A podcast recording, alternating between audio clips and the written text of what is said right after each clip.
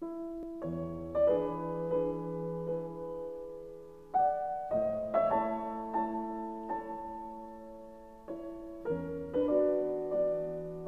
goedenavond iedereen. Ik ga meteen naar het goede plaatje. Voilà. Dus we zijn begonnen met geweld in de communicatie, waarbij ik vooral de nadruk heb opgelegd dat geweld heel gemakkelijk en heel automatisch ontstaat. Je moet daar echt niks voor doen. En dat is makkelijk te verklaren, want je ziet in heel de levende wereld, bij dieren, concurrentie, gevecht, strijd en zo verder. Ook bij jonge kinderen zie je dat, bij, bij kinderen, zelfs bij oudere kinderen natuurlijk. Dat, dat is gemakkelijk, zou ik zeggen. Dat ontstaat heel gemakkelijk, heel spontaan. Dat komt in ons op en dat neemt ons mee. Dat was het eerste punt. Het tweede punt was naar geweldloosheid. En naar geweldloosheid is veel minder gemakkelijk, komt niet automatisch in ons op, maar vergt redelijkheid en zorgvuldigheid.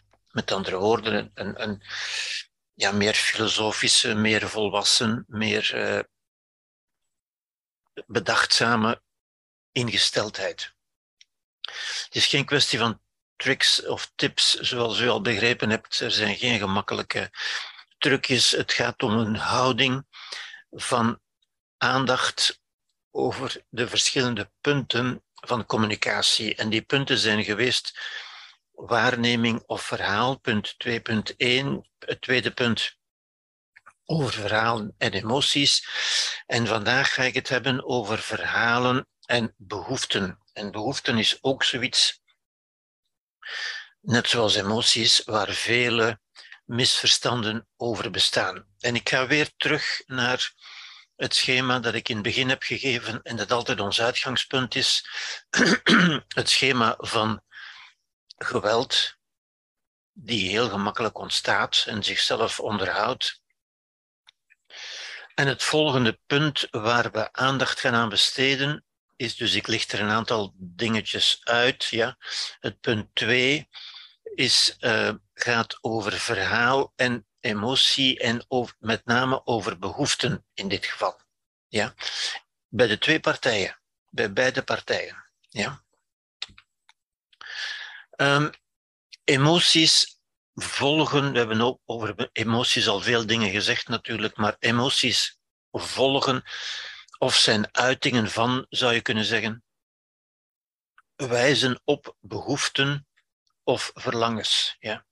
En ik heb het woord behoeften tussen aanhalingstekens gezet, omdat ik eigenlijk vaak liever de voorkeur, de voorkeur geef aan het woord verlangens. Ja. Um, is misschien een beetje, een beetje haarklieverij, maar behoeften zie ik als dingen die we echt nodig hebben om te kunnen in leven blijven, die levensnoodzakelijk zijn, die noodzakelijk zijn. Dus verlangens zijn eerder dingen die, die we graag zouden hebben, maar die niet zo noodzakelijk zijn. Nu, ik kom daar dadelijk op terug. Ja. Um, als ik spreek over de behoeften, de, de volgens Maslow. Abraham Maslow was een psycholoog die die behoeften in een zeer overzichtelijk schema heeft uh, ingedeeld en voorgesteld. Een schema met vijf stadia, dat ik in het kort, want vele mensen kennen dat natuurlijk al. Ja. Um, en dat begint met de laagste trap, en dat zijn de fysiologische behoeften, dat zijn echte levensbehoeften. En dat zijn echte behoeften, zou ik zeggen, in de zin dat als we die niet hebben, als daar niet aan voldaan is, dat onze overleving dan in gevaar is. Dat gaat natuurlijk over de biologische behoeften, eten, drinken, slapen enzovoort, de, de echte noodzakelijke dingen. Ja. Maar onmiddellijk daarbovenop, en dat is de klassieke theorie, de klassieke theorie zegt ook dat eerst aan een behoefte voldaan moet zijn, voor we aan een volgende behoefte toekomen. Ja? Volgende behoefte die ik althans voor een volwassen mens, eerder verlangens zou noemen. Ja? Maar de volgende trap zijn de veiligheidsbehoeften. Dat is het, de behoefte, of u, u begrijpt waarschijnlijk al beter, het verlangen, zou ik zeggen. Ja? Want we kunnen in onveilige omstandigheden wel overleven, maar we hebben het natuurlijk liever dat we ons veilig voelen. Ja? En dat geldt nog meer voor de volgende, de affiliatiebehoefte of de sociale behoefte, de, de verbindingsbehoefte, de behoefte om aanvaard te worden in een bepaalde groep. En ook dat, daarvan snapt u, hè, ook als u niet aanvaard wordt of, of niet zo goed aanvaard wordt, kunt u overleven. Ja? Maar het is fijner, het is een verlangen om aanvaard te worden, om graag gezien te worden, om ergens bij te horen. En dan daarbovenop komt nog de, wat men noemt de ego-behoefte. Dat is de behoefte om als bijzonder gezien te worden. Ja? Niet als een nummer, als zomaar iemand, maar als een bijzonder iemand, als een speciaal iemand. En ook dat hebben mensen graag natuurlijk. Hè. Is dat een behoefte? Dat is al veel minder duidelijk. Maar in ieder geval hebben mensen dat graag. Hè. Die, dat speelt meer, dat is belangrijker bij kinderen dan bij volwassenen. Bij kinderen is dat meer nodig dan bij volwassenen. Hè. Volwassenen kunnen inzien dat ze dat ook kunnen overleven zonder die behoefte natuurlijk. Of zonder die verlangens. Ja. En dan daarbovenop staat natuurlijk het belangrijke hokje, het belangrijke niveau van de zingeving. En dat is bij uitstek een volwassen verlangen, zou ik zeggen, namelijk het verlangen om een leven te leiden dat ergens toe dient, dat zinvol is, met andere woorden. Ja. En zonder daar nu verder op in te gaan, wil ik toch opmerken dat dat laatste hokje bij vele mensen weinig of niet is ingevuld. En het niet ingevuld zijn van dat hokje is eigenlijk de echte oorzaak, zou ik zeggen, de, de, echte, de echte context waarbinnen een depressief gedrag ontstaat. Ja? Als mensen het idee hebben dat ze nergens toe dienen, dat hun, hun leven geen enkele zin heeft. Wel, als, als men dat gaat geloven, dan ontstaat een gedrag dat we noemen een depressief gedrag. Ja. Depressief gedrag, ik ga daar nu ook niet verder op in, is dus niet een bepaalde ziekte die gelijk wie kan, kan overkomen, maar is een bepaalde manier van zijn als men gaat geloven, als men denkt dat het leven geen zin heeft, dat het leven geen zin heeft of dat het eigen leven geen zin heeft. Als men geen zin meer kan vinden of geven aan het eigen leven, als men geen reden meer ziet om er nog te zijn, met andere woorden. Ja. Goed, ik ga daar nu niet uh, verder op in. Um, ja, hier ga ik ook eventjes door. Dus dat zijn de, de vijf niveaus van behoefte volgens Maslow. Ja. Um, dit is een andere voorstelling van hetzelfde eigenlijk. Hè, met u, u ziet hier iemand uh, bovenop de top. Iemand die, die echt een volwassen mens zou zijn, een matuur mens, zouden we kunnen zeggen. De wijsheid ook, ja.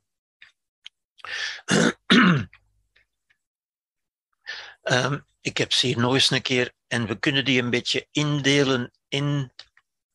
En dan zien we um, een aantal psychologische theorieën tevoorschijn komen.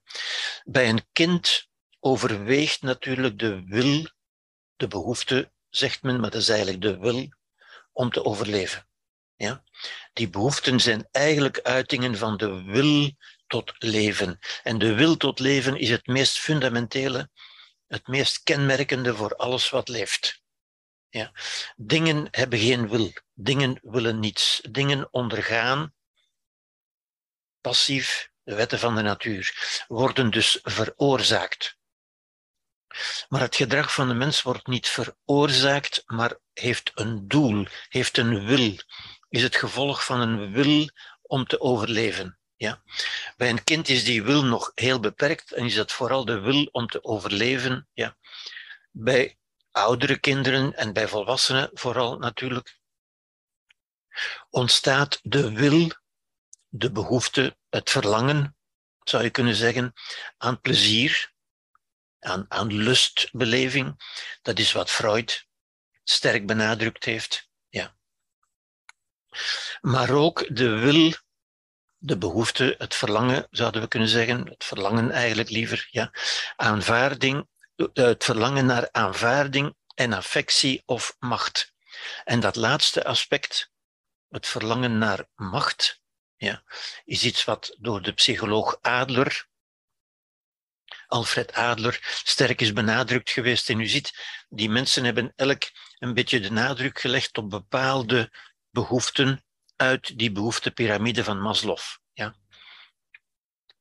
Nog later bij een volwassene overweegt de wil en de wil moet u lezen als het verlangen, natuurlijk. Ja.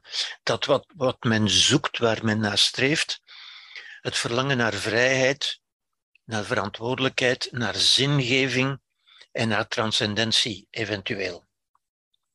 En ik heb daar ook een paar namen bij gezet, namelijk Jung, Gustav Jung, Abraham Maslow zelf, die daar sterk de nadruk heeft opgelegd, Carl Rogers natuurlijk ook, Victor Frankl bijvoorbeeld ook. Ja. En nog een aantal anderen die specifiek spreken over het invullen van dat bovenste hokje, het zingevingshokje. Ja. Nog andere, meer filosofen, uh, Nietzsche bijvoorbeeld, heeft dat ook gezegd. En Nietzsche heeft ook gezegd: wie een zin heeft in zijn leven, wie een reden heeft om te leven, die kan eigenlijk met alles leven. Ja? die kan alles aanvaarden, omdat je die sterke zin hebt, die sterke zingeving. Ja. Mensen kunnen van al die andere behoeften afzien of die verlangens laten varen in functie van een bepaalde zingeving in hun leven. Daar, daarmee zie je ook dat dat heel relatief is. Dat het niet zo dat die opeenvolgens moeten ingevuld zijn voor je daaraan toekomt. Nee, die, die worden relatief naar gelang men meer naar de zingeving toe gaat, zou je zeggen. Ja? Goed. Dus u ziet dat die verschillende psychologische theorieën ook, die mensen hebben allemaal theorieën, visies dus, opgesteld over de mens, ja, um, zich allemaal concentreren op bepaalde van die behoeften. Ja, die allemaal, die door Maslow op deze interessante en, en, en makkelijke manier geclassificeerd zijn. Ja? Je zou dan ook kunnen zeggen, hoe minder bewustzijn er is van het belang van zingeving, vrijheid en verantwoordelijkheid, hoe minder men met andere woorden in de bovenste regio van die piramide leeft of verkeert, hoe meer men terugvalt op die lagere behoeften. En dat is wat we ook zien natuurlijk. Hè. Mensen die weinig met zingeving bezig zijn, zijn meer bezig met hun lagere behoeften, ja, hun meer primaire behoeften, ja, van, van, uh, van, van graag gezien worden en erkend worden en plezier vinden in het leven enzovoort. Het plezier in het leven versus het geluk. Het geluk zit hierboven natuurlijk. Het geluk zit in de, in de zingeving, niet in de plezierige dingen doen, maar in de zingeving. En hoe minder men daaraan denkt, hoe meer men aan de lagere, en dat geldt ook therapeutisch natuurlijk. Ja? En hoe meer men ook denkt dat men het product is van, van factoren in het verleden. Hoe meer men zich naar het verleden keert ook. Ja? Iemand die zingeving heeft, die keert zich naar de toekomst. Iemand die geen zingeving heeft, die zoekt oorzaken in het verleden. En dan begrijpt u ook waarom ik zeg, de mens wordt eigenlijk niet geleid door oorzaken, maar door doelstellingen. Zingeving is een doelstelling van het leven. Ja. Omgekeerd kun je zeggen, hoe meer bewustzijn van het belang van zingeving, vrijheid en verantwoordelijkheid, hoe meer de aandacht, ook de therapeutische aandacht, naar de toekomst gaat. En naar wat in een logica van zinvolheid kan en moet gebeuren. Dat zijn mensen die een toekomst voor zichzelf creëren en daarop gericht zijn en het verleden laten voor wat het is. Ja? Dus u ziet, daar vallen heel wat bedenkingen bij, te bij aan te knopen, waar ik nu natuurlijk niet uh, uitgebreid op inga. Goed, het belang hiervan is dit eigenlijk. Dat we het belang hiervan in het kader van geweldloze communicatie natuurlijk, is dat we gaan inzien dat alle mensen, en ik heb er hier een aantal opgesomd, alle mensen, ja, zowel mannen als vrouwen, armen als rijken, allochtonen als autochtonen, linkse als rechtse, arbeiders of CEO's enzovoort, partijvoorzitters, ook criminelen, maar ook filosofen en ook kunstenaars. Alle mensen, dat is ook het belang van dat schema van Maslow. Dat alle mensen in wezen dezelfde wensen, intenties, verlangens, behoeften en noden hebben. Dus dat schema van Maslow is eigenlijk een universeel schema. U kunt voor gelijk welk gedrag van uzelf of van anderen zich afvragen vanuit welke behoefte, vanuit welk verlangen, vanuit welk doel is dat gedrag ontstaan. Want gedrag ontstaat altijd met als doel het tegemoetkomen aan één van die verlangens. Ja? En dus dat geldt voor iedereen. En u kunt mensen ook altijd begrijpen als u nagaat wat hun wensen, hun intenties, hun doelstellingen, hun verlangens ook waren. En dat geldt ook voor uzelf. Uw gedrag wordt niet bepaald door oorzaken in het verleden, maar door doelstellingen in de toekomst. En die doelstellingen zijn het voldoen aan bepaalde verlangens. U wil iets. Of uh, u, u, wil het niet altijd zo, zo bewust natuurlijk, maar u kunt vaststellen, wij, ieder van ons kan vaststellen, dat in ons bepaalde dingen gewild worden. Er is dat verlangen, die behoeften, zoals Maslow zegt, Marshall Rosenberg zegt het ook zo, maar ik verkies het woord verlangens eigenlijk, ja, omdat dat toch het belangrijkste is in ons volwassen leven. Dus daarin zijn mensen gelijk. Dus dit is een belangrijk idee om te komen tot het idee, tot het redelijke idee, dat mensen, ongeacht hun beroep of hun afkomst, in grote mate gelijk zijn. Ja? Toch zijn mensen ook verschillend. Waarin zijn mensen verschillend dan? Niet zozeer in hun verlangens, in hun wensen, maar wel in hun manier om die wensen in te vullen, om aan die verlangens te voldoen. Ja? En dat kunnen ze op min of meer verstandige, volwassen, beschaafde, elegante, serene, welwillende, mededogende wijze doen. Ja? Wij hebben allemaal dezelfde verlangens, maar we hebben verschillende manieren om daaraan te voldoen. Ja? Een filosoof zal dat anders doen dan, dan een crimineel bijvoorbeeld. Ik zeg maar iets. Ja? Maar eigenlijk kunnen we dus zien dat in, in alle mensen hetzelfde basisgegeven aanwezig is, namelijk het verlangen om te leven, dat zich uitsplitst in die vijf niveaus van Maslow, die uitingen zijn van de wil tot leven, ja? maar dat mensen verschillen in de manieren waarop ze dat proberen in te vullen. Dus we kunnen mensen zien waar ze gelijk zijn en waar ze verschillend zijn. Ja? In de grond zijn we gelijk, maar in de manier waarop we dat doen, waarop we daarmee omgaan, zijn we verschillend. Ja? En cultuur, wat we cultuur noemen, is juist een beschaafde manier van behoeftebevrediging. Een manier, een samenleving waarin mensen op een beschaafde, dat wil zeggen op een gereguleerde, volgens bepaalde normen, afgesproken gegevens aan behoeftebevrediging kunnen doen, waar iedereen zijn verlangens kan voldoen op een beschaafde manier en met respect voor iedereen. Dat is juist wat we een cultuur noemen. Een cultuurgemeenschap is een gemeenschap die daarover gelijkaardige ideeën over, die over heeft, die er op een bepaalde manier naar kijkt, ja, waardoor we ook het idee hebben van mensen uit onze cultuur, of uit onze stad, of uit onze familie, die kunnen we, daar kunnen we op rekenen, want we weten, we kunnen een beetje voorspellen hoe die dat gaan doen, namelijk een beetje zoals wij. Mensen uit een andere cultuur, daar hebben we twijfels over. Hoe gaan die dat doen? Kunnen we daar wel op rekenen? Kunnen we daar wel voorspellen? Kunnen we die wel vertrouwen? En zo verder. Ja? Goed.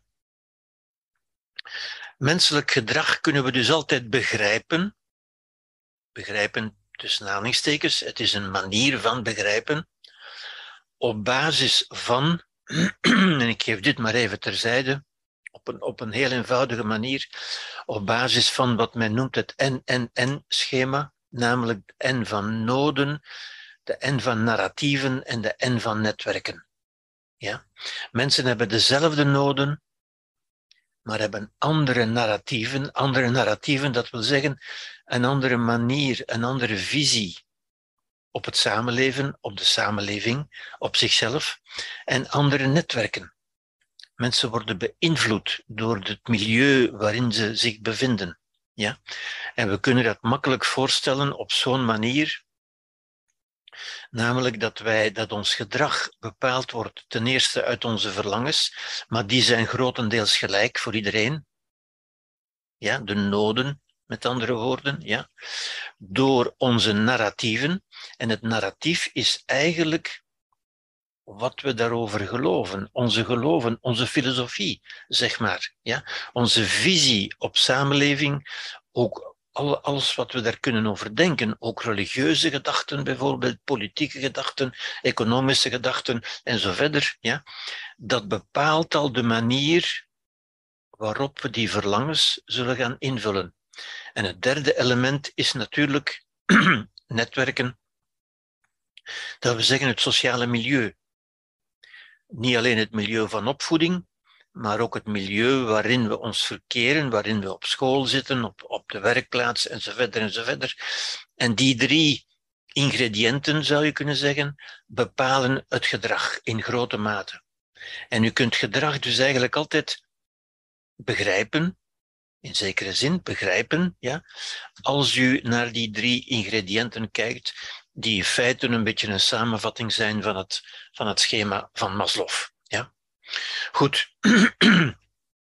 Het belangrijke idee hieruit is dat er een idee dat vaak op, op weerstand stuit bij mensen natuurlijk, hè, dat mensen in de grond gelijk zijn, dat er geen goede of slechte mensen zijn, dat het beste en het slechtste in ieder van ons zit. Ieder van ons kan zich op, op gelijk welke manier gedragen, alhoewel we toch dezelfde behoeften en verlangens hebben. Ook met mensen die wij slecht noemen of die we, of die we criminelen noemen, wel, die hebben toch dezelfde behoeften en verlangens als wij. Ja? En dat is natuurlijk een basis, een uitgangsvisie, een, een punt om tot respect en tot vredevolle ja, dat wil niet zeggen dat we alles moeten goedkeuren wat mensen doen, natuurlijk, hè, maar het maakt het makkelijker om er op een, op een volwassen manier, op een niet gewelddadige, op een geweldloze manier dus mee om te gaan. Ja? Dus dat is dus een element van, van de zorgvuldigheid waarover ik het daar straks had. U begrijpt natuurlijk, dit zijn ideeën van redelijkheid. Dit is een redelijkheid, ja, waartoe een kind niet in staat is. Ja?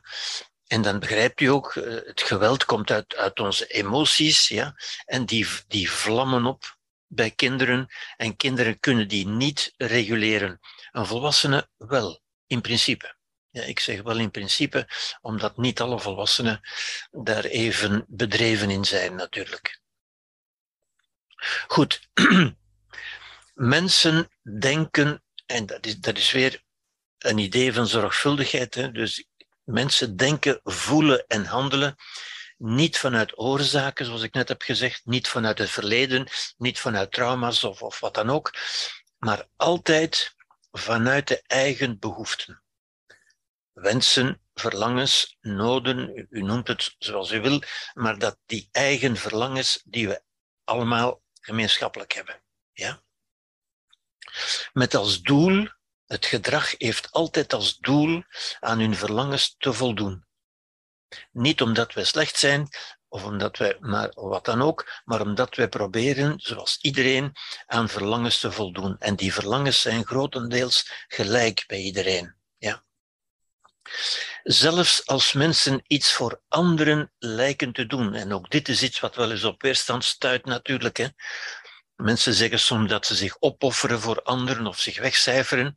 Nu, ook dat gedrag, dat men, zo, zo, dat men lijkt voor anderen te doen, dan doen ze dat toch altijd vanuit de eigen behoeften, namelijk de wensen, hun waarden, hun verlangens, om iets voor die anderen te doen. Men doet het toch maar omdat men daar zelf redenen voor heeft. En dus ook dat gedrag, ook wat men voor anderen doet, zo gezegd, doet men in feite vanuit de eigen verlangens. Ook een belangrijk inzicht. Ja? Met de verwachting wat is dan de verwachting? Waarom doet men dat voor die ander, zo gezegd? Wel, vanuit de, het eigen verlangen zich beter te zullen voelen. Bijvoorbeeld zich meer aanvaard te zullen voelen. Ja, heel vaak natuurlijk. Ja. Als anderzijds aan onze behoeften niet wordt voldaan, dan defaulten wij gemakkelijk, en defaulten wil zeggen dat we automatisch vervallen dat is een beetje onze fabrieksinstelling, zou je kunnen zeggen, onze biologische instelling. Dan, dan komen we gemakkelijk automatisch in onze gewoonte of intuïtie om anderen te beschuldigen en te verwijten. Ja. Wij gaan heel gemakkelijk, en dat is weer heel gemakkelijk, daar moet u niet over nadenken. Dat ontstaat vanzelf. Ja. Als wij gefrustreerd zijn, met andere woorden, als we niet krijgen wat we willen, dan ontstaat in ons die behoefte, dat verlangen om anderen te beschuldigen en daarvan verwijten te maken. Ja? Het is de schuld. We gaan onmiddellijk zoeken naar een schuldige. En dat zien we ook in de samenleving voortdurend. Bij alles wat er niet naar wens verloopt, wordt gezocht naar een schuldige, ja? naar een oorzaak eventueel, of in vele gevallen een schuldige, die dan de oorzaak daarvan is, natuurlijk. Ja? Iemand op wie we de schuld kunnen steken. Ja? En ook dat is in ieder van ons hetzelfde aanwezig. En het vergt heel wat redelijkheid weer om dat niet te doen. Ja? En ook als we daar redelijk mee omgaan, is er toch in ons die, die neiging dat altijd, die altijd weer de kop opsteekt van, van wie is daar de schuld van. Ja? Onze behoeften en verlangens en onze gevoelens die ik al eerder heb besproken, gaan ook altijd over onszelf. Ja? Die, die zeggen altijd wat u zelf wil, wat je zelf wil krijgen of verwerven, en kunnen nooit een opdracht of een verplichting zijn voor anderen. En ook dit is weer een, een, belangrijk punt als we tot geweldloze communicatie willen komen, natuurlijk. Hè.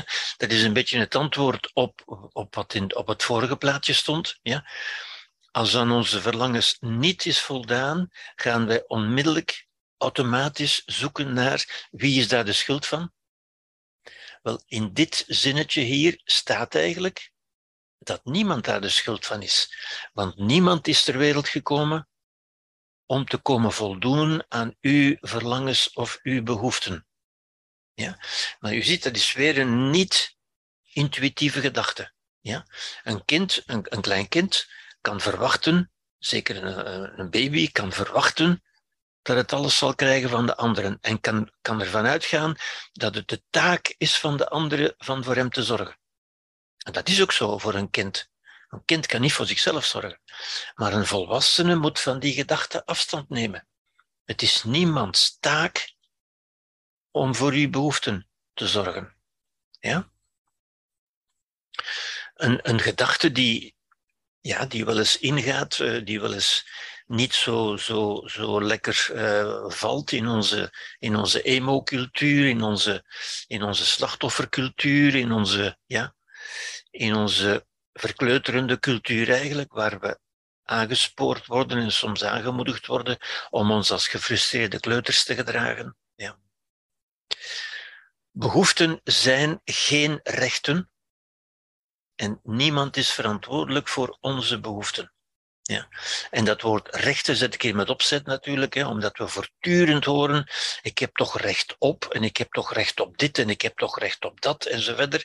En iedereen kent zijn rechten ja, en houdt de anderen verantwoordelijk voor zijn eigen verlangens. Ja. En nogmaals, dat is zo vanzelfsprekend dat we er nauwelijks bij stilstaan. En dat is natuurlijk, als we zo denken, dat is een van de grote oorzaken van geweld. Ja? Poetin denkt ook dat hij recht heeft op en, en zo verder. Ja? En dat is in alle geweld zo. Ja? Het vergt weer redelijkheid. Als u ziet, dat is geen recht. Dat is een verlangen eventueel. En u mag verlangens hebben, maar niemand is verplicht van aan uw verlangens te voldoen. Ja? Zolang wij anderen verantwoordelijk stellen voor onze emoties en behoeften, zullen er problemen zijn. En dit is de, de, belangrijkste, het belangrijkste inzicht eigenlijk. Ja? En als we dit inzien, dan zien we ook dat we dat eigenlijk voortdurend, spontaan doen. We, we denken voortdurend. De ander is toch verantwoordelijk voor hoe ik mij voel. Ik voel me niet goed. Wie, wie schuld is dat? En we gaan iemand zoeken. Ja? En niemand vinden, doorgaans. Het, is, het, is, het vergt verantwoordelijkheid en het vergt inzicht en redelijkheid om te zien, als ik mij niet goed voel, dat is niemands schuld. Dat is mijn verantwoordelijkheid. Ja.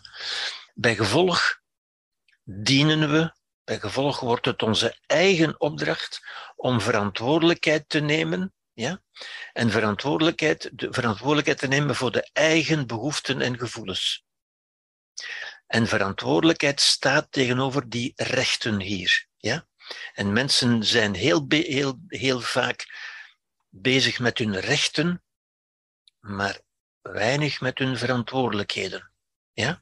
Ik heb toch recht om mij goed te voelen, ik heb toch recht om gelukkig te zijn, en dus zijn anderen daar verantwoordelijk voor. Nee, u hebt daar geen recht op. En anderen zijn daar niet verantwoordelijk voor. U hebt recht om te doen wat u kunt om uzelf verantwoordelijk te voelen.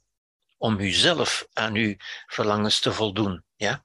Maar niet om te, anderen te verplichten van dat te doen. En ziet u, daarin zit, zit, zit de, de kiemen, zitten de kiemen, de zaadjes van geweld. Want als we dat doen, dan stellen we de andere verantwoordelijkheid verantwoordelijk en kunnen we verontwaardigd zijn en kunnen we boos worden en kunnen we oorlog gaan voeren. En zo ontstaat geweld. Ja. Dus niet, wat we niet mogen zeggen, maar wat mensen dus vaak wel zeggen natuurlijk, hè, niet, ik ben geïrriteerd omdat jij. En dan kan er komen wat wil, omdat jij doet wat je doet, omdat je niet, niet vroeg genoeg hier was, omdat je het over tijd was, omdat je niet, enzovoort enzovoort. Ja.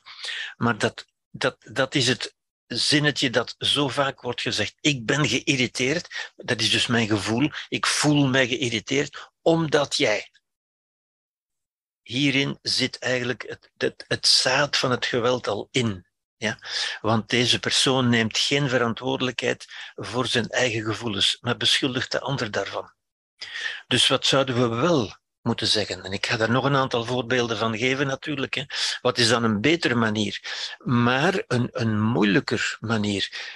Niet zozeer moeilijk, maar wel omslachtiger. En een die meer redelijkheid vereist. Ja?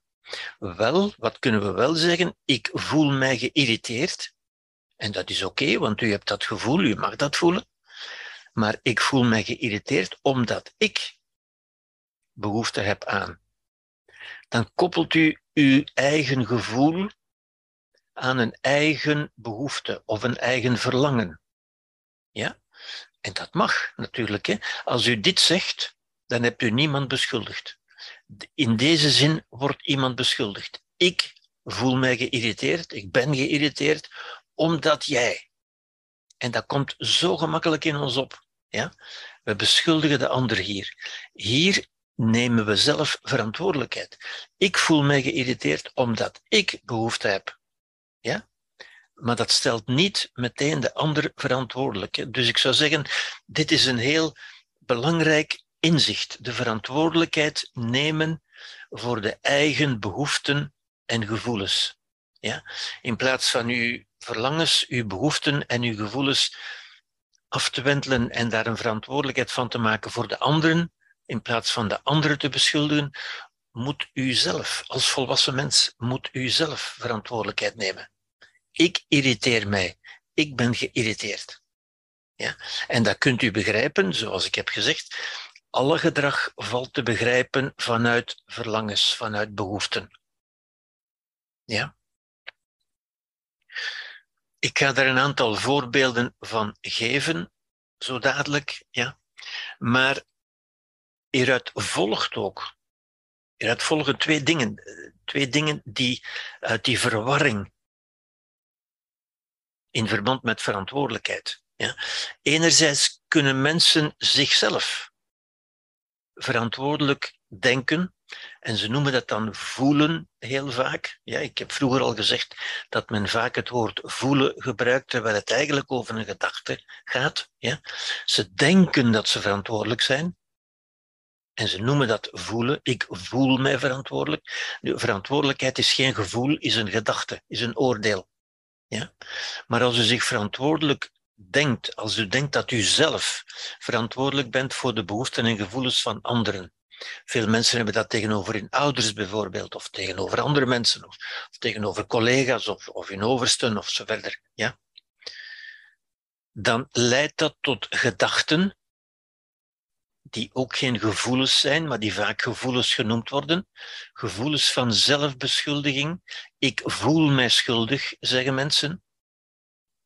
Die de basis zijn van emotionele manipulatie. Als u zich verantwoordelijk denkt en als u zich schuldig voelt voor anderen, wel, dan, dan hebben die anderen u in hun macht. Dan denkt u dat de anderen verantwoordelijk zijn voor uw gevoelens, met andere woorden. Nu, het zijn om te beginnen geen gevoelens, het zijn ideeën. En dan gaat u zichzelf beschuldigen. Mensen zeggen dan, ik voel mezelf schuldig.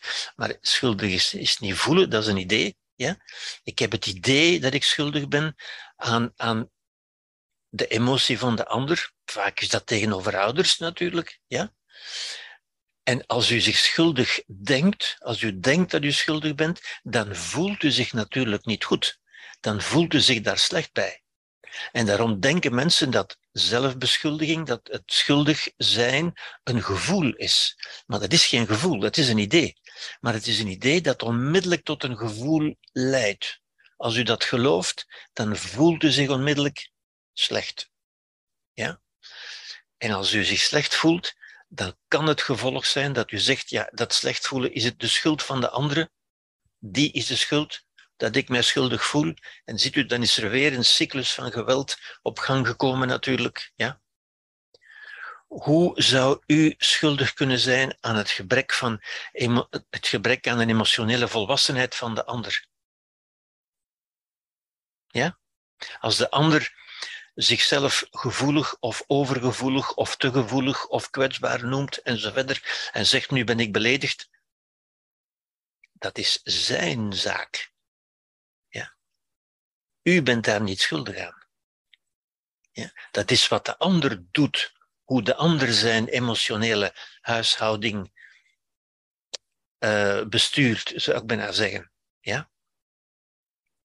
Omgekeerd, dat is omgekeerd natuurlijk, hè, anderen verantwoordelijk stellen voor de eigen behoeften en emoties. Ja? Dus hier dacht u verantwoordelijk te zijn voor de behoeften en gevoelens van anderen. In het omgekeerde geval worden anderen verantwoordelijk gesteld voor uw eigen. Dat is wat wij ook voortdurend doen. Ja? Leidt tot klagen en beschuldigen. Klagen en beschuldigen. Ik voel me niet goed en dat is de schuld van van mijn ouders bijvoorbeeld. En dat gaat vaak samen. Men denkt dat men schuldig is aan, aan het gedrag van de ouders. En dan gaat men de ouders beschuldigen omdat wij ons daar niet goed bij voelen. Ziet u, die, complexe, die eenvoudige en toch een beetje complexe cyclus waar behoeften en emoties aan in, in van elkaar verward worden. Men schrijft die toe aan de ander, men neemt er dus met andere woorden geen verantwoordelijkheid voor. Hoe zou de ander verantwoordelijk kunnen zijn voor uw eigen gebrek aan emotionele volwassenheid? Emotionele volwassenheid is natuurlijk dat u de verantwoordelijkheid neemt voor uw eigen emoties. En dat u de anderen niet beschuldigt van de emoties die bij u opkomen. Want de ander kan dat niet, is daar niet verantwoordelijk voor. Zoals u niet verantwoordelijk bent voor de emoties die bij de ander opkomen. En de ander kan dat dan toeschrijven, zoals vaak gebeurt natuurlijk. Hè. Ja, maar dat is omdat ik zo gevoelig ben, of overgevoelig, of supergevoelig, of, wat dan ook. Of omdat ik zo kwetsbaar ben, en, en verder. Ja. Allemaal eigenlijk manipulatieve pogingen tot, tot emotionele manipulatie. Ja. Wat men natuurlijk niet vaak zo ziet. Men ziet dat vaak, ja, maar dat gaat over diep menselijke dingen en, en met, met diep gevoelige dingen en zo verder. En u ziet, men komt daar niet uit, uit die cyclus, tenzij door meer redelijkheid. Door daar redelijk over na te denken. Kan de ander verantwoordelijk zijn voor mijn, voor mijn emoties? Nee, dat kan gewoonweg niet. Ben ik verantwoordelijk voor de emoties van de ander? Nee, dat kan ook niet. Ja? En als de ander begint te klagen en te zagen en zich eh, kwetsbaar voelt en zo verder, dat is zijn emotionele huishouding of haar emotionele huishouding. Daar bent u niet verantwoordelijk voor. Dan ziet u, die houding wordt natuurlijk makkelijk omschreven als, ja, maar dan ben je, ben je hard en, en gevoelloos en zo, dan heb je geen empathie en zo verder. Ik heb daar alle empathie voor, alleen wil ik daar niet in meegaan. Ja? Die, die, die manipulatie, want dit is zuiver manipulatie natuurlijk. Hè? Ja? En als men dat doorziet en er niet in meegaat, wordt men natuurlijk makkelijk beschuldigd van, van een gebrek aan, aan invoelingsvermogen of, of andere interessante woorden die men daarvoor kan gebruiken. Ja. Goed. Een belangrijke behoefte, of een verlangen dus, ja, is natuurlijk het verlangen dat bij heel veel mensen heel belangrijk is, het verlangen aan erkenning, aan aanvaard worden, aan verbonden zijn, aan opgenomen worden, aan erbij horen. Dat is dus een van de, van de verlangens ook in de, in de behoeftepyramide of de verlangenspyramide van Maslow. Dat is een van de hokjes, maar het is een hokje dat, dat belangrijk is omdat veel mensen ermee te maken hebben. En het is een belangrijke bron ook van emotionele manipulatie, van emotioneel onwelzijn en van emotionele manipulatie ook. Ja? Het is ook een belangrijke angst. Het is oorzaak van een belangrijke angst. We kunnen ook, dat is nu niet het onderwerp van vandaag, maar we kunnen bij elk niveau van Maslow ook een angst plaatsen. Want elk verlangen leidt ook tot een angst. Namelijk de angst dat dat verlangen niet zal ingevuld worden. Ja?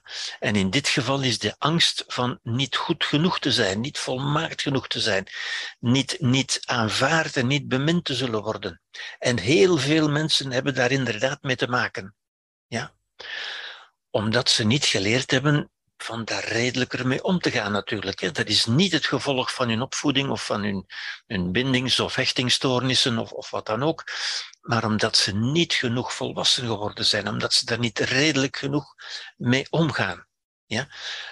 En niet omdat ze niet, niet, niet over voldoende redelijkheid beschikken, maar omdat ze niet geleerd hebben van er zo over te denken. Ja? Omdat het ons ook niet geleerd wordt natuurlijk. Ja? Niet omdat mensen dom zijn, maar omdat het ons niet geleerd wordt. Ja? Het probleem hierbij is dat om echt aanvaard te worden, men zich ook moet tonen zoals men is.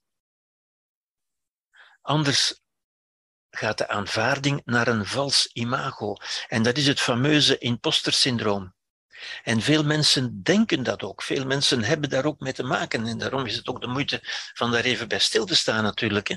Veel mensen doen zodanig hun best om erkend te worden, om aanvaard te worden en zo verder. Ja? Maar dan gaat, wat is het imposter-syndroom? Het bedriegerssyndroom, in feite. Ja? Dan gaat men beseffen ja, maar dat is een vals imago. Ik word erkend omdat ik zo mijn best doe maar ze zien mij niet echt zoals ik ben. En als ze zouden zien zoals ik echt ben, dan zouden ze mij niet meer aanvaarden. Dat is het imposter-syndroom. Ja? Ik ben aanvaard omdat ik me zo mooi, omdat ik me zo, zo interessant en zo, en zo geleerd en zo, en zo dienstvaardig uh, voordoe. Met andere woorden, het is mijn imago dat aanvaard wordt, niet ikzelf. En dat is het impostersyndroom. Dat is ook de angst om zich te tonen zoals men is, de zogenaamde kwetsbaarheid. Die alleen maar angst is natuurlijk. Ja, u bent niet kwetsbaar, maar u bent wel angstig dat u niet aanvaard zult worden. En dat noemt men tegenwoordig kwetsbaarheid, ja, wat ook een, een, een vals beeld schept, want u, u, wordt niet gekwetst. U bent alleen bang om er niet bij te horen, om niet aanvaard te worden. Ja? En ziet u, dat is weer zorgvuldigheid. Als we daar zorgvuldig over nadenken, dan kan ieder van ons dat begrijpen. Ja? Dat wordt ervaren als, ja, hier staat het, als zich blootgeven, zich kwetsbaar opstellen, zogezegd. En dat is, de, dat is het cliché tegenwoordig van je moet zich kwetsbaar durven opstellen en zo verder. Waarom moet men dat durven? Wel omdat men angstig is van, met, van als men zich blootgeeft, als men zich toont zoals men is, dat men niet aanvaard zal worden. Dat is het impostersyndroom, het bedriegerssyndroom. Ja? Dat wordt ervaren als gevaarlijk en als beangstigend. Ja? Vandaar dat men moet durven, hè? je moet een durver zijn. Ja? Ziet u een, een hele fraseologie die dat eigenlijk in een volkomen onjuist licht plaatst. Ja. Het is veel gemakkelijker anderen te beschuldigen van afwijzing en negativiteit dan het bewustzijn te hebben zich onvolmaakt te tonen. En ik zet hier met opzet natuurlijk het woordje bewustzijn. Want meestal zegt men dan, ja, maar je moet de moed hebben of het zelfvertrouwen hebben om je onvolmaakt te tonen, om je kwetsbaar te tonen, dus met andere woorden. Ja? Nu, die moed of dat zelfvertrouwen, dat, dat, dat is ook een merkwaardige manier, terwijl het eigenlijk alleen om bewustzijn gaat. Ja? Het bewustzijn. Ja? Het bewustzijn, zelfvertrouwen, wat men zegt, en, en waardoor dat moeilijk te omschrijven is. Wat is dat eigenlijk, zelfvertrouwen, en hoe kom je daaraan? Wel, ik denk zelfvertrouwen wordt duidelijker als men ziet dat het eigenlijk alleen maar zelfbewustzijn is. En wat is dat zelfbewustzijn? Wel, dat u het recht hebt van te zijn zoals u bent, dat u niet volmaakt bent, dat u onvolmaakt bent zoals iedereen, en dat u toch aanvaardbaar bent zoals u bent. Ja? Dat is eigenlijk een vorm van, van mededogen, wat men tegenwoordig zelfzorg zou noemen, ook al zo'n verwarrend begrip eigenlijk. Ja? Mededogen met en aanvaarding van de eigen onvolmaaktheid. U bent niet volmaakt. En u moet ook niet volmaakt zijn om aanvaardbaar te zijn. U bent aanvaardbaar zoals u bent. Ja? Je bent goed genoeg, je bent het waard om aanvaard en bemind te worden. En dat bewustzijn, het bewustzijn dat u, dat u het recht hebt van te zijn zoals u bent.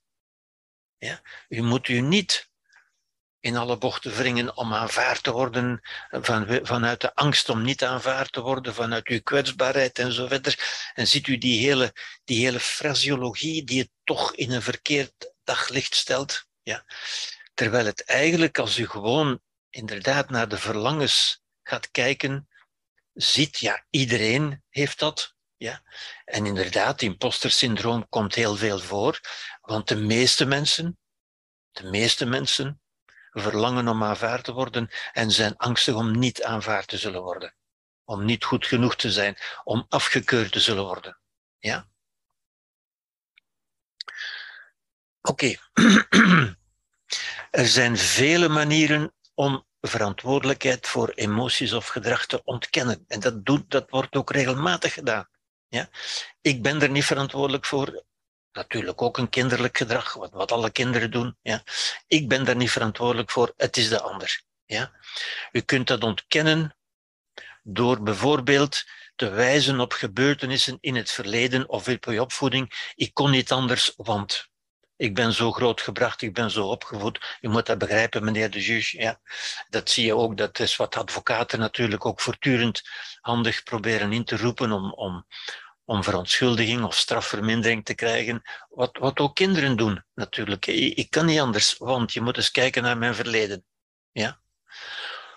Of vage, onpersoonlijke krachten of oncontroleerbare impulsen. Ik kon er niet aan doen. Het overkwam mij. Ik moest, ik kon niet anders. Het was sterker dan mezelf. Het was sterker dan mezelf, is een zinnetje dat zo vaak gebruikt wordt. Ja? Ook dat is een beetje absurd natuurlijk. Hè? Ik zou op al die zinnetjes kunnen ingaan, maar we, hebben daar de tijd niet voor. Maar u, u ziet hoe rijk dit onderwerp eigenlijk is als we daarop ingaan. Ja? Niets is uiteindelijk sterker dan uzelf. Ook dat is een manier van zeggen, ja, ik wou wel, maar ik kon niet. Want er was iets dat sterker was dan mezelf. Ja. Bepaalde toestanden of diagnoses. Hè. Ik drink omdat ik een alcoholist ben. Ja. Of omdat ik depressief ben. Waarom doet u zo? Ja, omdat ik depressief ben. En hoe weet u dat u depressief bent? Ja, omdat ik zo doe. Ziet u die cirkelredenering? Ik drink omdat ik een alcoholist ben. En hoe weet u dat u een alcoholist bent? Ja, omdat ik drink. Ja, ziet u, die, die cirkelredeneringen, die, die logisch natuurlijk nergens op slaan, maar die toch voortdurend gezegd worden en mensen durven zo'n dingen zeggen, omdat dat in ernst aanvaard wordt. Omdat mensen dat niet doorzien als, als een absurde uitspraak uiteindelijk. Ja? Autoriteit, omdat ik moest van mijn baas. Ja? Het argument van uh, ik, ik, ik moest, ik voerde de orders uit. Hè? Het Eichmann-argument. Ja? Groepsdwang of sociale rollen, de fameuze groepsdwang. Het werd van mij verwacht, ik kon gewoon niet anders. Ja. Groepsdwang is ook iets wat niet bestaat. Ja. De, de groep dwingt u tot niets. Tenzij in uiterst zeldzame omstandigheden, in, in het leger of zo, uh, wel natuurlijk, hè, maar in, de, in het sociale verkeer wordt u tot niks gedwongen. Het zijn mensen zelf die er willen bijhoren en die zich dus aanpassen, die doen wat ze denken dat anderen van hen verwachten, omdat ze er willen bijhoren. Het komt uit hen zelf. Niemand legt het hen op. Ja?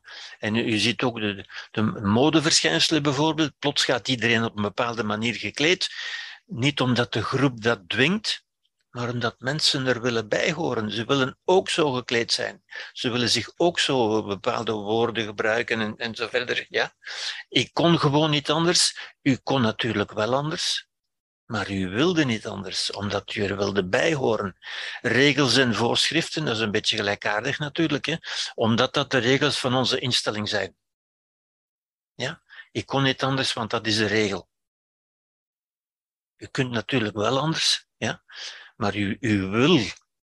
En ziet u dat terugbrengen tot eigen redenen. U hebt uw eigen redenen om te doen wat de baas van u verlangt. U hebt uw eigen redenen om te doen wat uw ouders van u verlangen. Dat is geen dwang. U wil erbij horen. Ja. Goed. Uh, een, een, aantal voorbeelden om dat wat duidelijk te maken. Uh, ik heb het er straks al gezegd. Je irriteert mij als je je spullen zo laat slingeren. Dat zijn gewone zinnen die gezegd worden natuurlijk. Hè.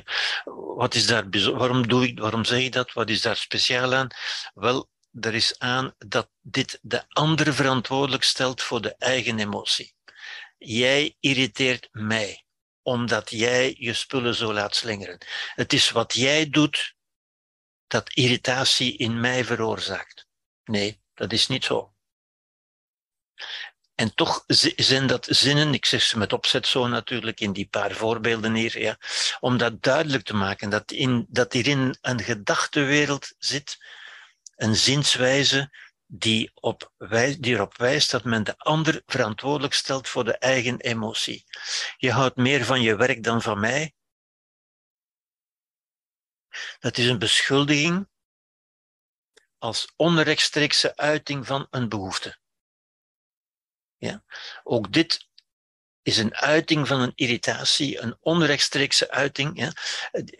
Er wordt beschuldigd zonder te zeggen wat men eigenlijk wel wil. Ja? Nu, ik ga er een beetje snel doorheen. Ik voel mij boos omdat ik behoefte heb aan respect en ik jouw woorden als een belediging hoor. U ziet, dat is natuurlijk een uitspraak die ik goed als goed categoriseer. Goed, waarom? Omdat de spreker hier verantwoordelijkheid neemt voor de eigen emotie.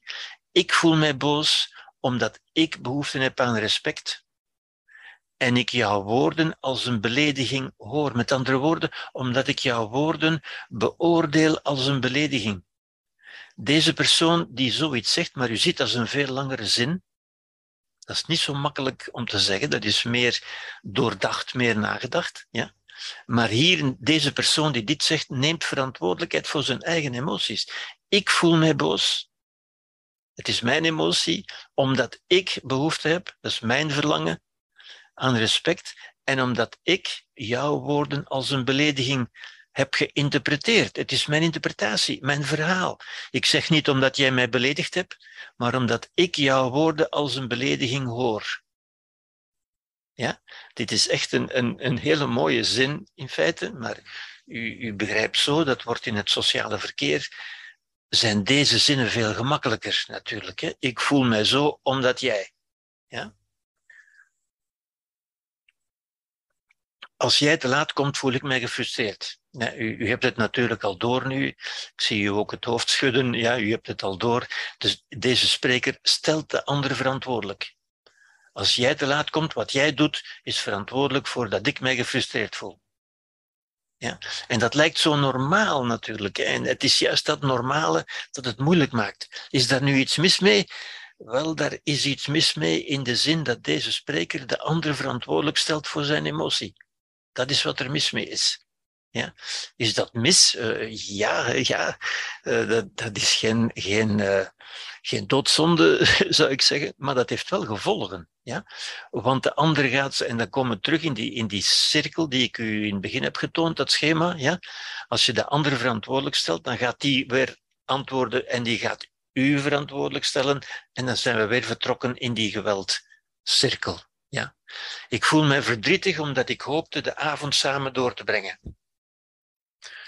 In deze, in deze zin neemt de spreker verantwoordelijkheid. Dat, is oké. U mag verdrietig zijn omdat ik hoopte. Ik voel mij omdat ik. Ja? Dit is ik voel mij omdat jij. Ziet u het, schema? Als u er het schema uithaalt, wordt het heel duidelijk natuurlijk. Maar in die zinnen zit dat, ik zet met opzet die zinnen zo, omdat die ook zo gezegd worden, zit dat verborgen natuurlijk. Verborgen, tenzij u er doorheen leert kijken. Ja? Ik voel me teleurgesteld omdat je niet hebt gedaan wat je beloofd had. Ja, ik, ik, ik hoop dat u het begint te snappen, natuurlijk. Hè. Ik voel mij omdat jij. Ja. Spreker stelt de ander verantwoordelijk. Ja. Andere voorbeelden. Ik ben ontmoedigd omdat ik verder had willen staan met mijn werk. Ik ben omdat ik. Dit is oké. De spreker neemt verantwoordelijkheid en neemt de eigen verantwoordelijkheid voor de eigen. Ik ben ontmoedigd omdat ik had willen, ja, mijn verlangen. Ja. Bepaalde dingen die mensen zeggen doen me soms pijn. Dit is emotionele chantage natuurlijk. Hè? Van als je dat zegt, dat doet mij pijn. Dan denkt de ander, oei, oei, want ik mag die geen pijn doen. En dat heb je onmiddellijk. Ja?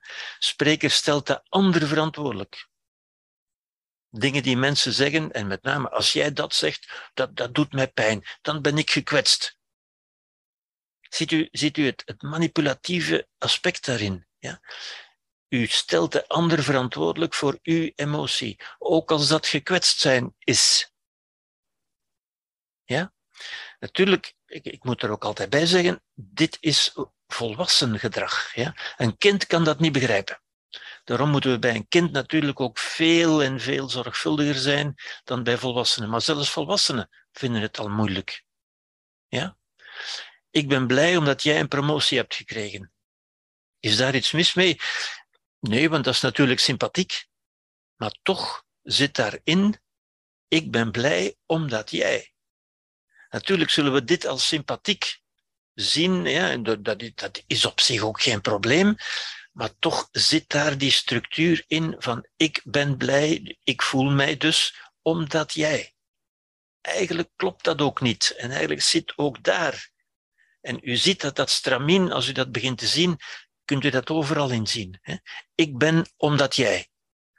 Ik ben omdat ik. Oké, dan neemt u verantwoordelijkheid. Maar ik ben omdat jij.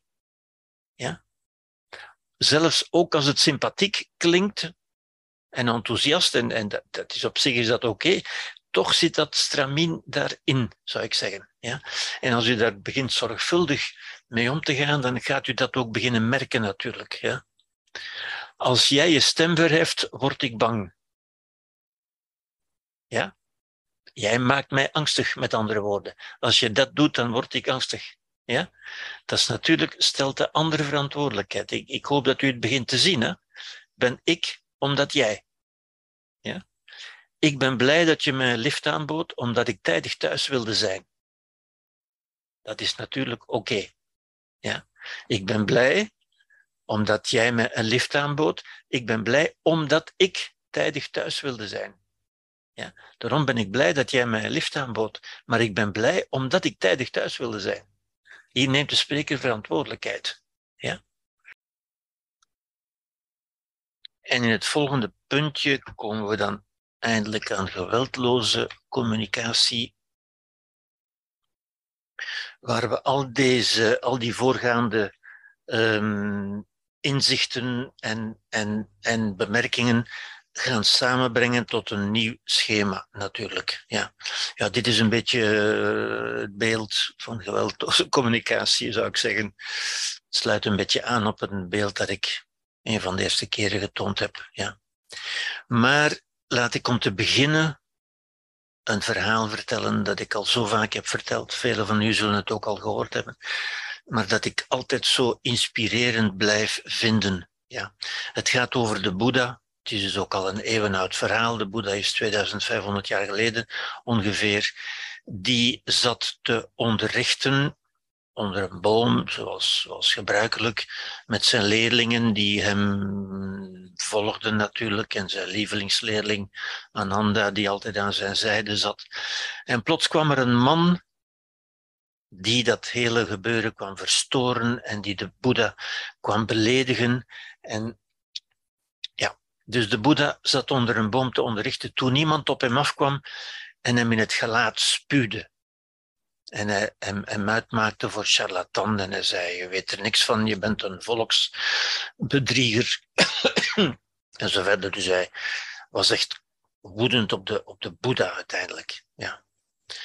En de Boeddha veegde zijn gezicht af, bleef onbewogen en vroeg, wat wil je nog meer zeggen?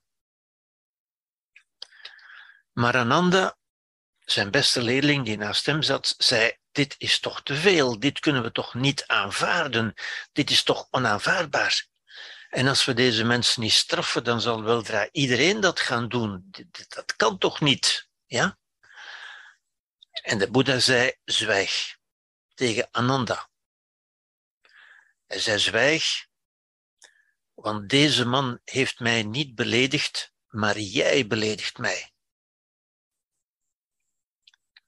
Deze man zei de Boeddha, kent mij niet, maar moet iets over mij gehoord hebben.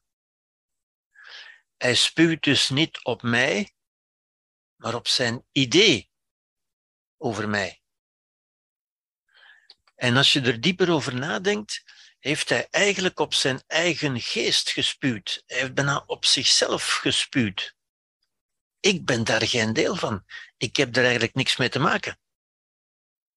Maar ik kan zien dat deze man iets wil zeggen, maar niet over voldoende taal beschikt. En daarom vraag ik, wat wil je nog meer zeggen? En tot zijn leerlingen zei de Boeddha, ik ben meer beledigd door jullie, want jullie leven met mij en jullie kennen mij. En de man zelf ging volkomen verward en van zijn stuk gebracht, weer naar huis, maar kon de hele nacht de slaap niet vatten. Hij dacht daarover na, over die verrassende reactie natuurlijk. En de volgende ochtend kwam hij terug naar de Boeddha en hij wierp zich aan zijn voeten, aan de voeten van de Boeddha. En de Boeddha zei opnieuw, wat wil je nog zeggen? Wat wil je nog meer zeggen? Want ook dit is een gedrag, een manier om iets te zeggen waarvoor geen woorden zijn. Ja? Waarvoor je geen woorden hebt. Wat zijn je woorden? Wat wil je zeggen? En de man zei, vergeef mij, Heer. En de Boeddha zei, vergeven. De man waarop je gisteren gespuwd hebt, die is er niet meer. Dus wat is er te vergeven?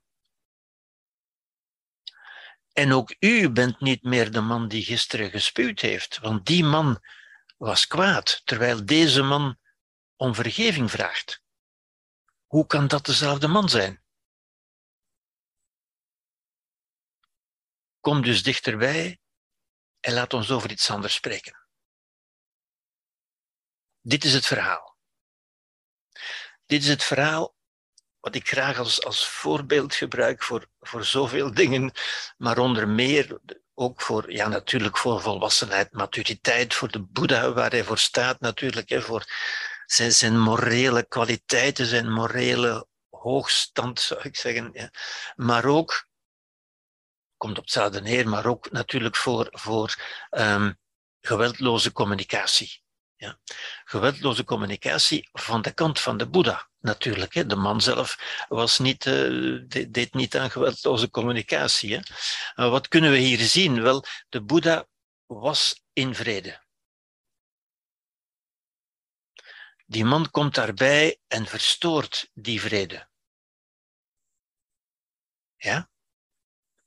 De Boeddha bleef in vrede. Zie je, die, die, die volwassenheid, die autonomie, die onverstoorbaarheid. Ja? De Boeddha bleef gewoon wie hij was. Hij liet dat ook bij de ander. Ja? Wat kunnen we hieruit uit, uit leren?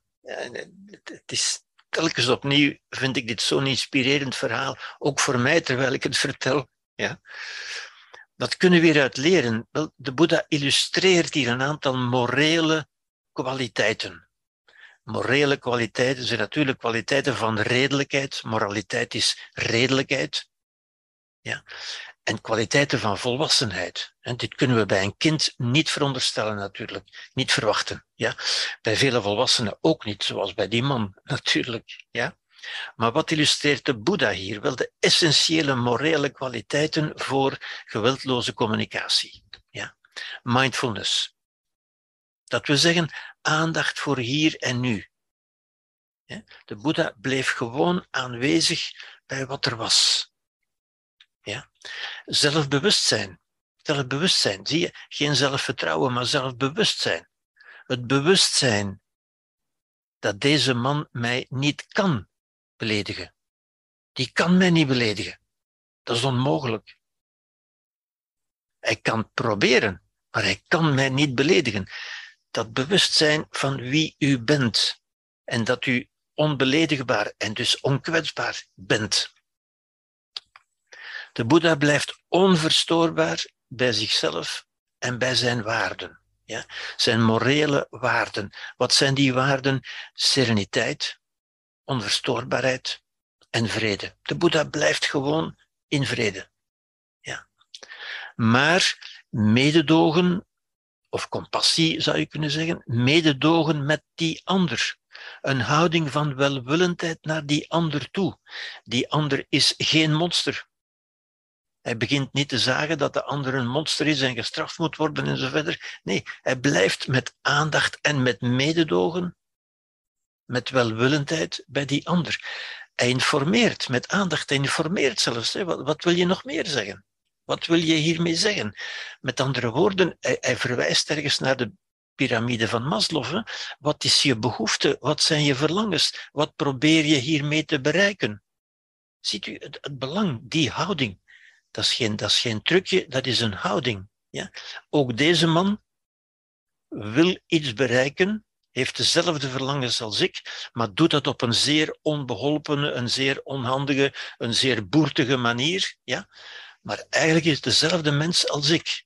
Basis van geweldloze communicatie. Ja. Vergeving, maar er valt niks te vergeven. Waarom zou ik moeten vergeven dat de ander niet meer beschaving en niet meer volwassenheid heeft? Want dat is wat er aan de hand is. Hij kan mij niet beledigen. Wat zou er te vergeven zijn? Ja? Hij kan mij niet kwetsen. Geweldloze communicatie, hè? inderdaad. Luisteren naar het verhaal van de ander.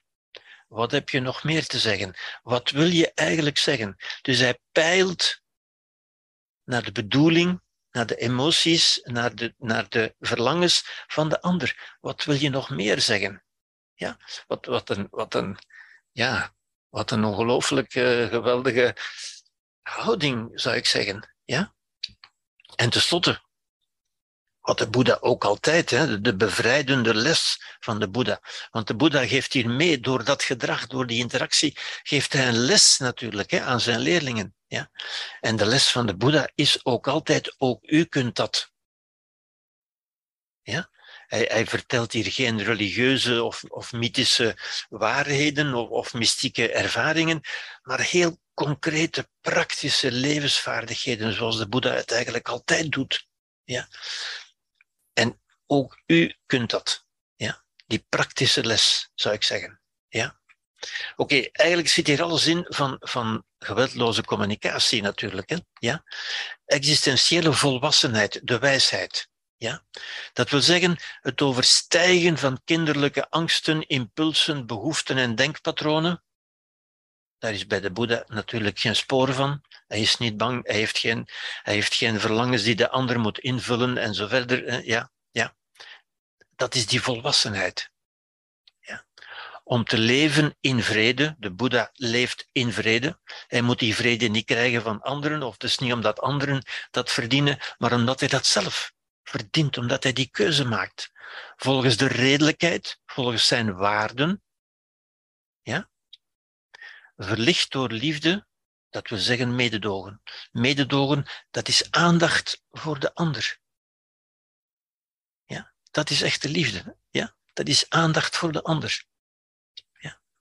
En dat zijn functies, eh, dat, dat ga ik hier nu niet verder op in, functies van het nieuwe brein, ja, dat, dat heeft nu verder niet veel belang natuurlijk, dat we zeggen van ons menselijke brein, niet van ons emotionele brein, ons emotionele brein dat makkelijk opvlamt en zoals die aapjes die ik u getoond heb, makkelijk tot, tot vechten en tot oorlog. Emoties leiden tot oorlog, redelijkheid leidt tot vrede. Een kinderlijke geest genereert monsters en gedrochten, oorzaak van angsten. De geest en de emoties kunnen beschaafd en verfijnd worden door te kijken naar de Boeddha, door je, door je te inspireren op de Boeddha, door inspirerende verhalen en inspirerende literatuur. De Boeddha kennen we alleen maar uit literatuur, door erover te lezen, ja, maar op die manier kunnen we ons inspireren. En de Boeddha zegt ons over de eeuwen heen, 25 eeuwen heen, ook u kunt dat. Ja? Die wijsheid van de Boeddha. De Boeddha leeft nog, want hij is nog bij ons. Wij kunnen ons nog inspireren aan hem. Ja? Een existentieel volwassen kijk op de realiteit. Zoals ik al heb gezegd natuurlijk. Er zijn geen goede of slechte mensen, dat heb ik u al gezegd. Mensen zijn, hebben allemaal, alle mensen hebben het beste en het slechtste in zich. Iedereen kan zich goed of minder goed gedragen, maar we hebben allemaal dezelfde wensen en verlangens. Er zijn alleen mensen die op een min of meer verstandige en elegante wijze geluk zoeken. Dat wil zeggen, proberen te voldoen aan hun verlangens. Ja. Vele volwassenen zijn echter niet zo volwassen en dat is natuurlijk een, een probleem. Ja. En alleen mensen die zelf lijden, veroorzaken ook lijden bij anderen. Ja. Zoals die man die natuurlijk lijdend was, die, die kwaad was, gefrustreerd was, en die probeerde ook de Boeddha te doen lijden. Maar de Boeddha toonde van, je kan mij niet doen lijden. Ja, dat is ook de boodschap van Nelson Mandela natuurlijk en van Viktor Frankl en zelfs, zelfs van Christus uiteindelijk. Dat zijn dezelfde boodschappen van, van wijsheid, volwassenheid, sereniteit. Ja. Het probleem met negatieve mensen, met zogezegd negatieve mensen, is dat wij er negatief over doen. En dat is ook een doordenkertje natuurlijk. Ja. Wat is het probleem met negatieve mensen? Ja? De Boeddha had ook kunnen klagen van kijk eens wat een negatief mens hier op mij komt. Maar dan zou hij zelf ook negatief geweest zijn. De Boeddha is niet negatief. Hij klaagt niet over die mens. Hij reageert erop op een volwassen, mature manier. Geweldloos, in vrede. Ja? Het enige dat we aan anderen kunnen veranderen is hoe we er naar kijken onze manier van er naar te kijken. En ook dat toont de Boeddha zo duidelijk aan natuurlijk. Ja. Hij heeft die ander geïnspireerd door zijn manier van zijn, door, zijn, door het feit dat hij die ander als mens is blijven behandelen. Niet als een monster, niet als een, als een te bestraffen uh, stout kind, maar als een mens heeft hij die ander ook veranderd. Dat is ook het verhaal, dat, dat, het, prachtige verhaal van in Les Miserables van Jean Valjean met de, de, de bischop eh, Myriel bijvoorbeeld. Ja, ik, ik, zou het graag vertellen, maar we hebben er de tijd niet meer voor. Er zijn veel zo'n van die, van die schitterende verhalen, natuurlijk inspirerende verhalen, ja, die ons toch zin kunnen geven om te zeggen, ja, zo zou ik het ook willen doen. Iets daarvan wil ik toch ook leren, in feite. En dat is de boodschap van de Boeddha. U kunt dat ook. Ja. Als we anders kijken naar de dingen, dan veranderen de dingen waar we naar kijken. En dat geldt ook voor mensen. Het enige wat we aan mensen kunnen veranderen is de manier waarop we er naar kijken. En dat ligt in onze macht. Dat is mogelijk, dat kunnen wij. Ja.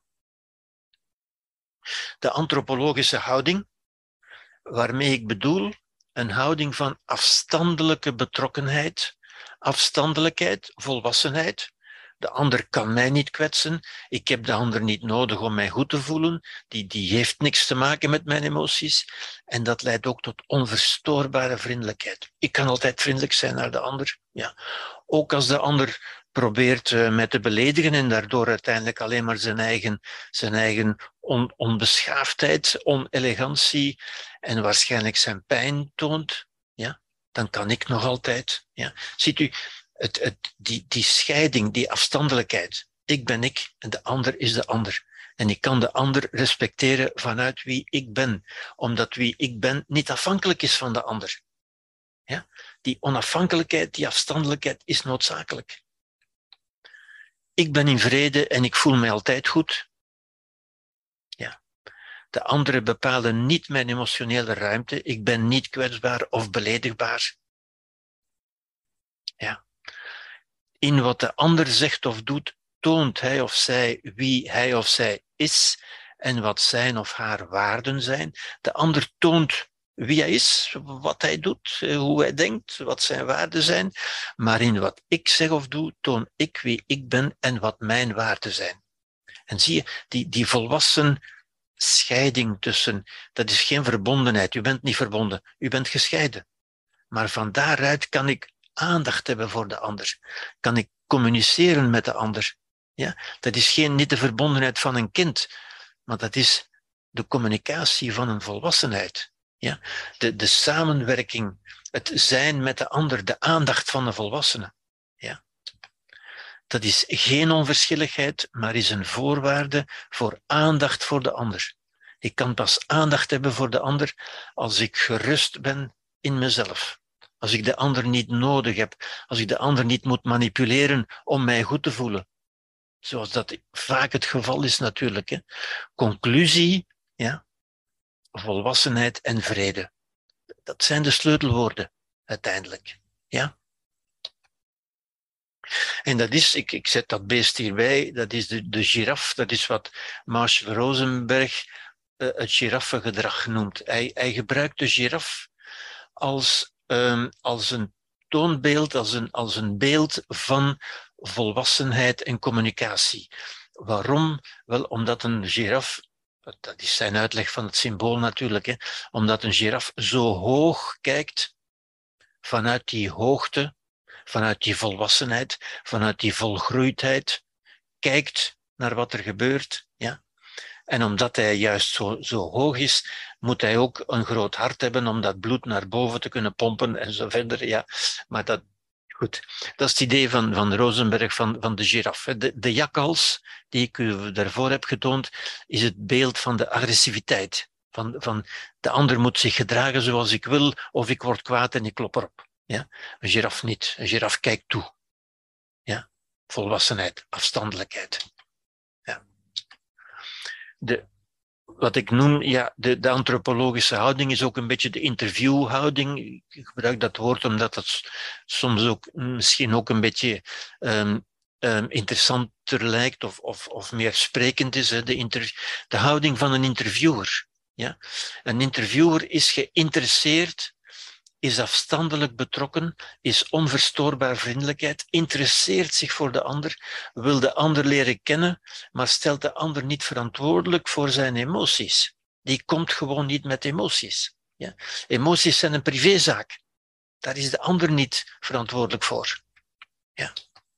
Aanwezig zijn, aandachtig zijn, geïnteresseerd zijn. Ja. Luister naar het verhaal van de ander in plaats van het verhaal over de ander. Dat hebben we ook al gezegd natuurlijk. Hè. Uh, ik ga hier een beetje sneller doorheen. Hier ga ik ook een beetje sneller doorheen om dit verhaal nog te vertellen. Ja, ook dit is zo'n een, verhaal natuurlijk. Hè ik ga het een beetje snel vertellen. Um, het verhaal van meester Hakuin. Ja, meester. Uh, ah nee, dit is, uh, dit is Lao Tse. Ja, Lao Tse zegt: wees goed voor goede mensen. Daar hebben we normaal geen moeite mee. Maar zegt hij: wees ook goed voor niet goede mensen. Want op die manier ontstaat het goede. Ja? U moet niet goed zijn voor goede mensen omdat ze dat verdienen, of omdat niet goede mensen dat verdienen, maar omdat u zelf dat verdient. Omdat goed zijn iets is wat u zelf wil zijn. Niet omdat de ander dat verdient of niet verdient, maar omdat dat is wat u wil zijn. En omdat uw bestaan onafhankelijk is van het bestaan van de ander. En pas van daaruit kunt u, ja, dit is Lao en ziet u, die, die oude wijsheden zijn nog altijd van tel, omdat het morele kwaliteiten zijn die nog altijd even belangrijk zijn als toen ze geuit werden. Ook Lao Tse is uit de tijd van de Boeddha natuurlijk, maar dat is ook gezegd door Socrates en ook door Epictetus en Marcus Aurelius en al die andere grote, inspirerende filosofen, zou ik zeggen. Ja hebben ons hetzelfde, dezelfde boodschap gegeven. Ook Victor Frankl, die uit onze tijd is natuurlijk. Ja. Goed, wat je in werkelijkheid bent, je geest, je ziel, kan niet gekwetst, vernederd of beledigd worden. Het bewustzijn is onaantastbaar als een spiegel. En het, het spiegel is ook een heel mooi concept, een heel mooie metafoor. Een spiegel die, die allerlei dingen kan weerspiegelen, maar die niet bezoedeld of aangetast wordt door wat hij weerspiegelt. De spiegel blijft altijd zichzelf. En ook dat is de houding die, die wij kunnen gaan aannemen. Ja? Dat u altijd uzelf bent. Als een spiegel die niet verandert door dat wat hij weerspiegelt, maar die allerlei dingen kan weerspiegelen, die alles weerspiegelt. Ja? Het enige dat beledigd of gekwetst kan worden, is je ego. Dat is wie je denkt dat je bent. Ja? En dat is je angst om niet goed genoeg te zijn, omdat je denkt dat je niet goed genoeg zult zijn. Ja? Al het water in de zee kan een schip niet doen zinken, tenzij het er binnenin geraakt. Ja? Alle negativiteit in de wereld kan u niet doen zinken, tenzij u ze binnen laat komen. Ja? En ziet u, dat is weer die, die autonomie, die, die onaantastbaarheid. Ja? Het kan niet bij u binnenkomen, het doet niks met u, het hakt er niet op in, het, het, het komt niet hard binnen of zoiets, tenzij u het binnen laat komen. Want wat binnen in u gebeurt, daar bent u verantwoordelijk voor, niet de ander.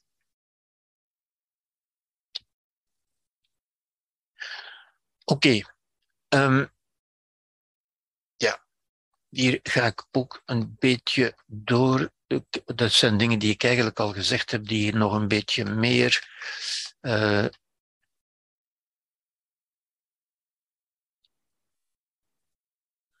voilà, dit, dit wil ik nog wel zeggen. Ja. Die disentanglement.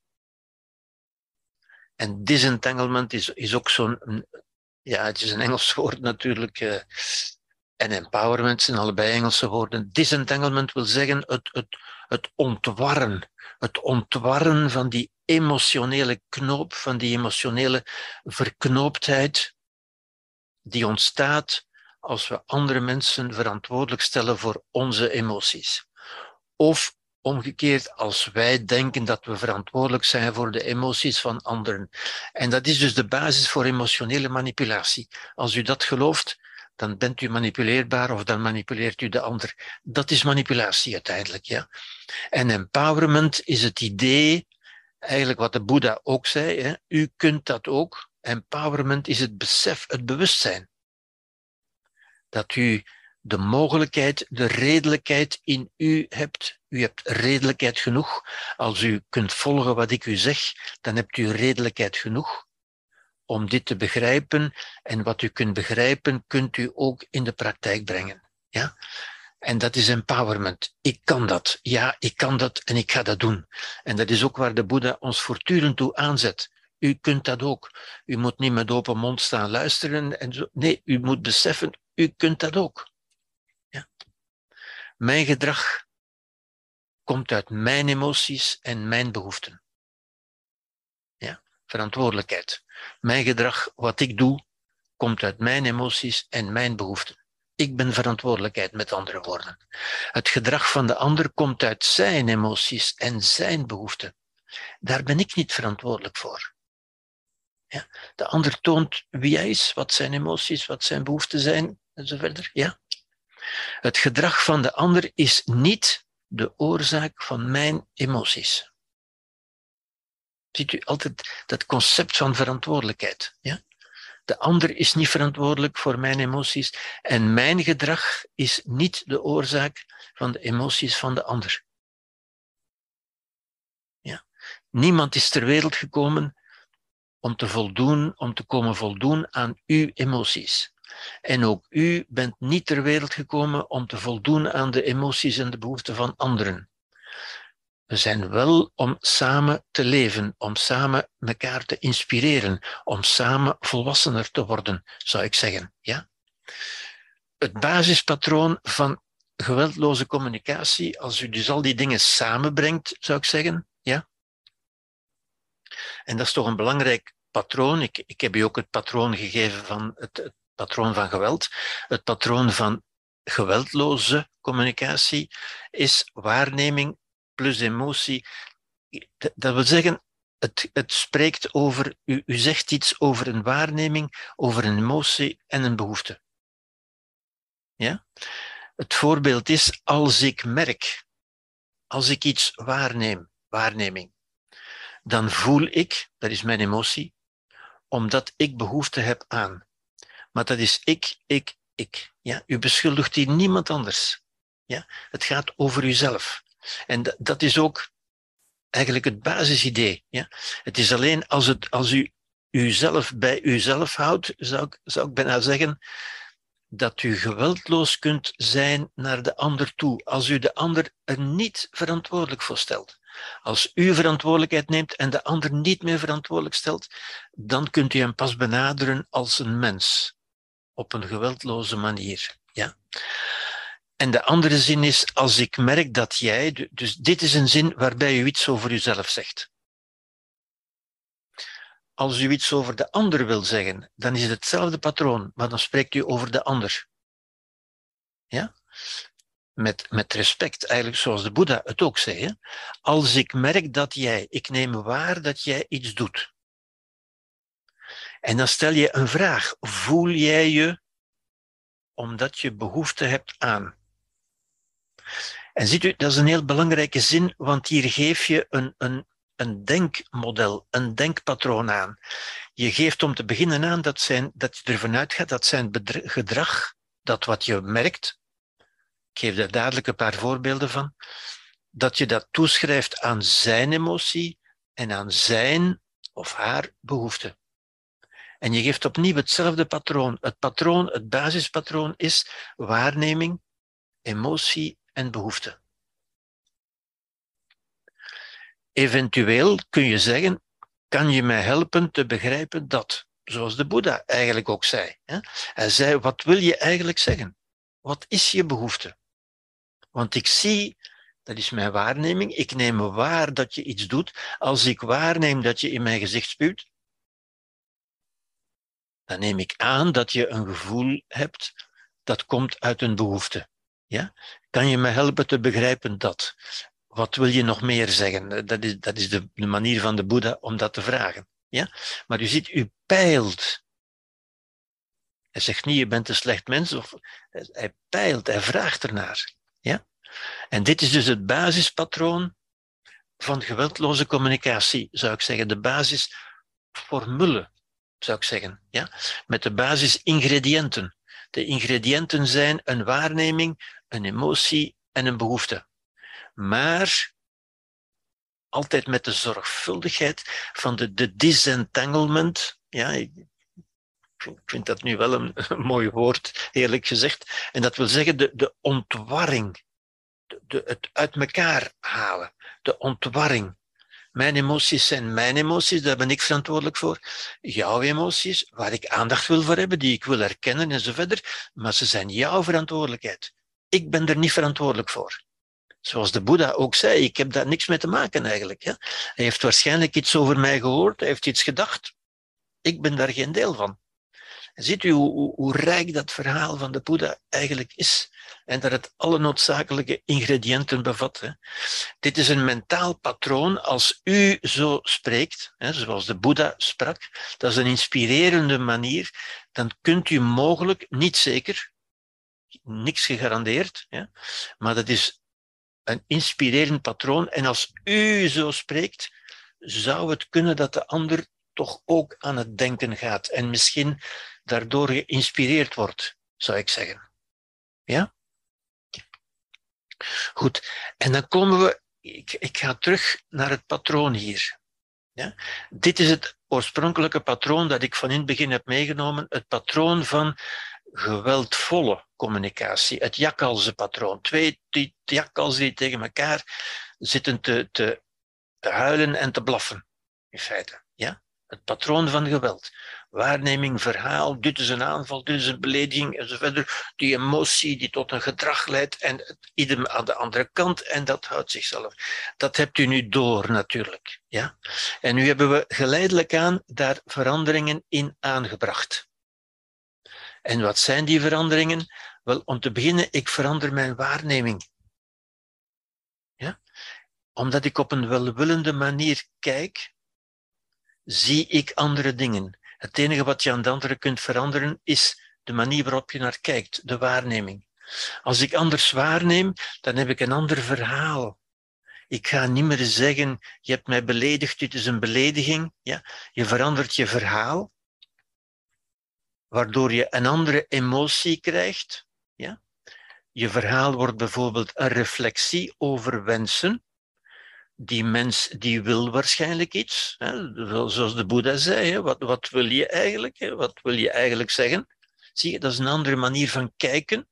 Daardoor een ander verhaal over die mens. Daardoor komt er bij u ook een andere emotie een meer volwassen emotie, een, een emotie van mededogen, zou ik zeggen, ja? en verandert uw gedrag. De Boeddha begint niet terug te snauwen en te, en te beschuldigen en te schelden, heeft een ander gedrag. In plaats van die toxische communicatie, die, die acting out met verwijten en beschuldigingen, ja, zegt hij een rechtstreekse uiting van wensen en emoties. Ja, hij peilt naar de emoties en de wensen van de ander. Wat wil je nog meer zeggen?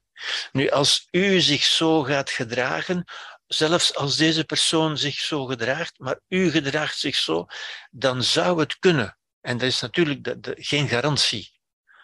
Dan verandert ook de waarneming van de ander, want die gaat zien. Zoals die man, hè, die, die, die ziet van, tja, die, verand, die gedraagt zich helemaal anders dan ik verwacht had. Die begint niet terug te schelden.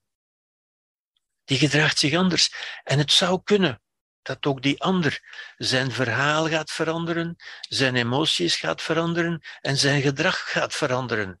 Ja? Waardoor die hele cyclus in feite ja, het resultaat is een bevredigende communicatie met een verrijkende reflectie of onderzoek. Ja? En een communicatie die, en nu gebruik ik weer het beeld van Rosenberg natuurlijk, hè, uh, die een, een girafgedrag is, zou ik zeggen. Ja. Een volwassen communicatie, doordat één van de twee, natuurlijk ideaal is als beide dat doen, hè, maar dat is, begint altijd met één. Dat is ook het verhaal van de Boeddha. Hè. Ook het verhaal van Jean Valjean, wat ik zo'n schitterend verhaal vind, dat in Les Miserables staat van, van Victor Hugo. Ja. Van, van iemand die zich op deze manier gedraagt, waardoor de ander bijna met open mond staat te kijken van, van, van hoe kan dat nu? En, en toch gaat nadenken van ja, dat kan ook en misschien kan ik ook iets anders doen. Ja, ziet u. En dan zijn we aan geweldloze communicatie eigenlijk. Ja. Dus dit is het schema, zou ik zeggen, ja, met de punten van aandacht, van redelijkheid, uh, dat leidt tot volwassen communicatie. En u, u ziet, eh, het gaat niet over bepaalde trucjes of bepaalde tips of, of zoiets wat mensen altijd. Het gaat om een fundamentele menselijke houding die u altijd kunt aannemen, ook als de ander. Want de neiging is natuurlijk zo groot van te zeggen: ja, maar ik wil dat wel, maar de ander wil niet. En dat, dat ken ik natuurlijk. En dat is ook waar. Ja. Maar dat neemt niet weg dat u altijd op die manier kunt zijn en naar de ander kunt kijken zou ik zeggen. Ja. Een leerling vraagt aan een zenmeester. Dat zijn ook van die verhalen natuurlijk. Hè, van, leerling vraagt van meester, hoe kan ik een volmaakt schilderij schilderen? Ja, ik gebruik dit verhaaltje zo vaak. Hoe kan ik een volmaakt schilderij schilderen? Maar je zou kunnen zeggen, hoe kan ik volmaakt uh, geweldloos communiceren? Of hoe kan ik volmaakt kinderen opvoeden? Hoe, hoe kan ik gelijk wat volmaakt doen? Hè? Hoe kan ik een volmaakt schilderij maken? En de meester denkt even na en, en zegt, ja, maar dat is eigenlijk niet zo moeilijk hoor, zegt hij. Weet je wat je doet? Je begint met volmaakt te zijn en dan doe je maar gewoon. Dan schilder je maar gewoon. Ja? Als u vol, hoe, hoe volmaakter u bent, hoe volmaakter uw gedrag zal zijn. Oké, een laatste verhaal. Dit is het verhaal van meester Hakovin, dat dat ook illustreert natuurlijk, gewoon als illustratie. Het is natuurlijk, ik zeg natuurlijk, het is, het is niet toevallig een verhaal dat weer uit, het, uit de wijsheid van het oosten komt, maar dat nog altijd even actueel is en evenveel inspiratie biedt voor ons in onze tijd natuurlijk. Hè. Meester Hakovin... ah nee, dit is nog een ander verhaal. Ja. Maar het is even goed.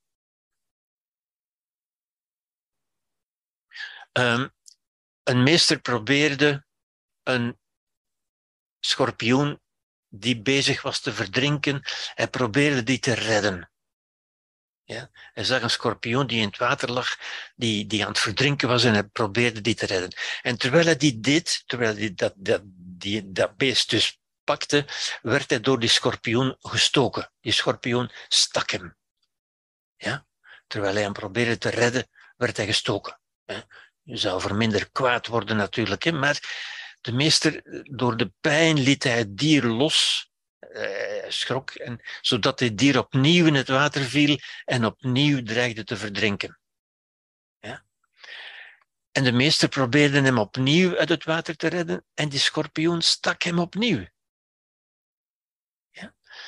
Ziet u, er was natuurlijk weer een leerling in de buurt die, die, dat gezien had en die zei, maar meester, waarom, waarom dringt u zo aan? Waarom blijft u proberen? Begrijpt u dan niet dat de schorpioen u zal steken telkens u probeert hem uit het water te halen? Ja. En de meester antwoordde, de aard van de schorpioen is van te steken maar dat zal geen invloed hebben op mijn natuur, die is van te helpen. En ziet u, hier hebt u weer die essentie. Wat de ander doet, zegt iets over hem, dat is zijn aard of zijn natuur of wat hij gelooft of wat dan ook. Maar dat heeft geen invloed op wie ik ben. Mijn aard of wat ik wil zijn, is van te helpen. Ja?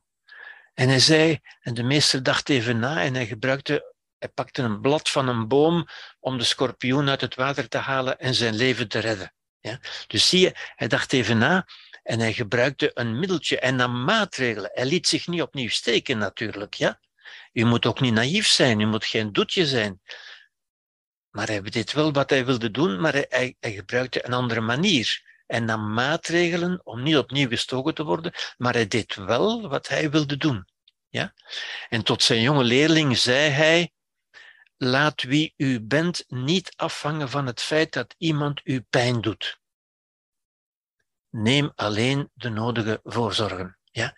En ziet u, dat is weer de grote les van, van, van het, het grote inzicht van geweldloze communicatie. De ander is wie hij is, maar dat zal geen invloed hebben op wie ik ben. Die volwassenheid, die autonomie, die emotionele zelfstandigheid. Ja, dat is wat ik u wilde, wilde bijbrengen natuurlijk. Ja.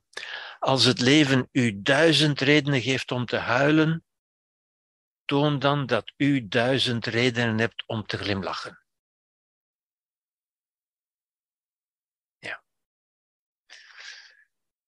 Ziezo, uh, het is kwart over negen.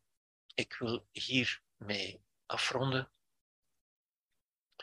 En tijd en ruimte laten om hier vragen over te stellen of bedenkingen bij te maken.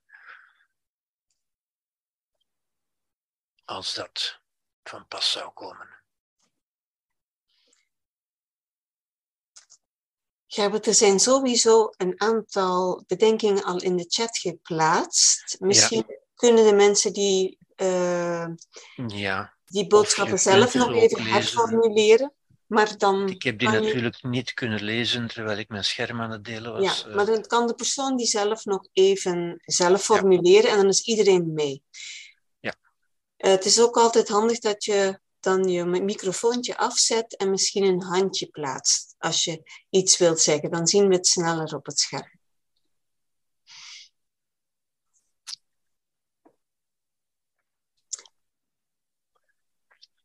Ja, anders lees jij een vraag, Mia. Ja.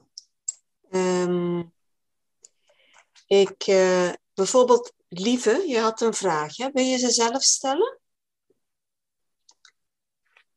Uh, in het verhaal van de Boeddha, uh, het intrigeert mij dat uh, antwoord dat hij gaf aan zijn metgezellen. Ja. houdt dat in? Ja. ja, dat begrijp ik.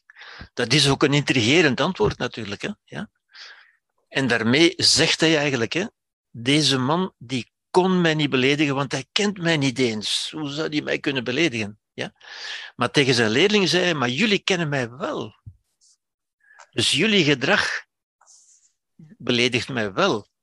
Niet echt natuurlijk, hè, maar, maar hij zegt, dit, dit zou, ik zou beledigd kunnen zijn als ik de Boeddha niet was natuurlijk. Hè. Maar jullie gedrag toont dat je mij niet echt kent, terwijl jullie mij horen te kennen. Jullie weten hoe ik ben. Ik heb jullie lesgegeven, onderwezen, geïnspireerd. Ja? Jullie zouden beter moeten weten. Die man kon niet beter weten. Ja? Maar jullie wel. Dus weten ze nog niet. Dus weten ze nog niet genoeg. Ja, ja, ja natuurlijk. Ja, ja. Ja. Nu, we weten nooit genoeg, hè? niemand van ons. We zijn tegelijk allemaal uh, leerling en, en, en leermeester. Hè? We zijn leerling van wie beter weet en we zijn leermeester voor wie niet beter weet. Hè? Ja. ja. Is het oké voor jou, lieve? Ja, dat is prima. Ja. Dan zou ik graag... Annick, Annick steekt haar hand op. Ja. ja. Horen jullie mij zo? Ja hoor. Ja. ja. Um, ik had twee vragen. Uh, even, ja, de eerste vraag. Wat is het, het verschil tussen emoties en gevoelens? Ja, uh, ik wil daar heel kort op antwoorden. Uh, ik maak daar niet veel onderscheid tussen, maar je zou kunnen zeggen emotie is het, het hoe zou ik zeggen, het, het, het, existentiële gebeuren en het gevoel is wat je daarvan merkt. Het gevoel is meer je ervaring van de emotie. Maar dat is een beetje een, een, een, een, een scholastiek uh, antwoord, zou ik zeggen hoor. Ik denk, praktisch gezien kun je het door elkaar halen hoor. Mm. Ja, Emotie is wat je, wat je voelt, wat je waarneemt. Want wat ik uh, ondertussen al een beetje heb uh, geleerd, um, is dat die emotie die hè, van emovare, die gaat Ja. u in beweging brengen Ja. van Ja. ik wil dat of nee, ik wil dat niet. hè. Inderdaad. Ja. Dat is Ja. hoe, dat, hoe dat u, u het heeft uitgelegd de vorige keer. En alle andere zaken die wij dan gevoelens noemen, dat zijn eigenlijk bedenkingen. Ja, Dat zijn, ja, eh, dat hebt u ideeën. Heel goed begrepen. Heel belangrijk om dat goed te begrijpen. Ja, inderdaad. En ik denk dat dat ongelooflijk vaak eh, verward wordt. Absoluut. En, en door elkaar wordt Absoluut. eh, Absoluut. Helemaal gelijk. door, door, door Ja. ongelooflijk veel professionals ook. Ja, hè? ja, Eh, helemaal gelijk. Helemaal waar. in de Inderdaad. is-. Dus dat is eigenlijk een heel belangrijke boodschap die ik Ja. ook, ook wil, eh, wil, wil verkondigen in de wereld Ja. eh, Ja. waar dat ik mij dan in bevind, hè, Ja. eh, hoe klein die ook mag zijn. Heel goed. Heel Ehm, goed.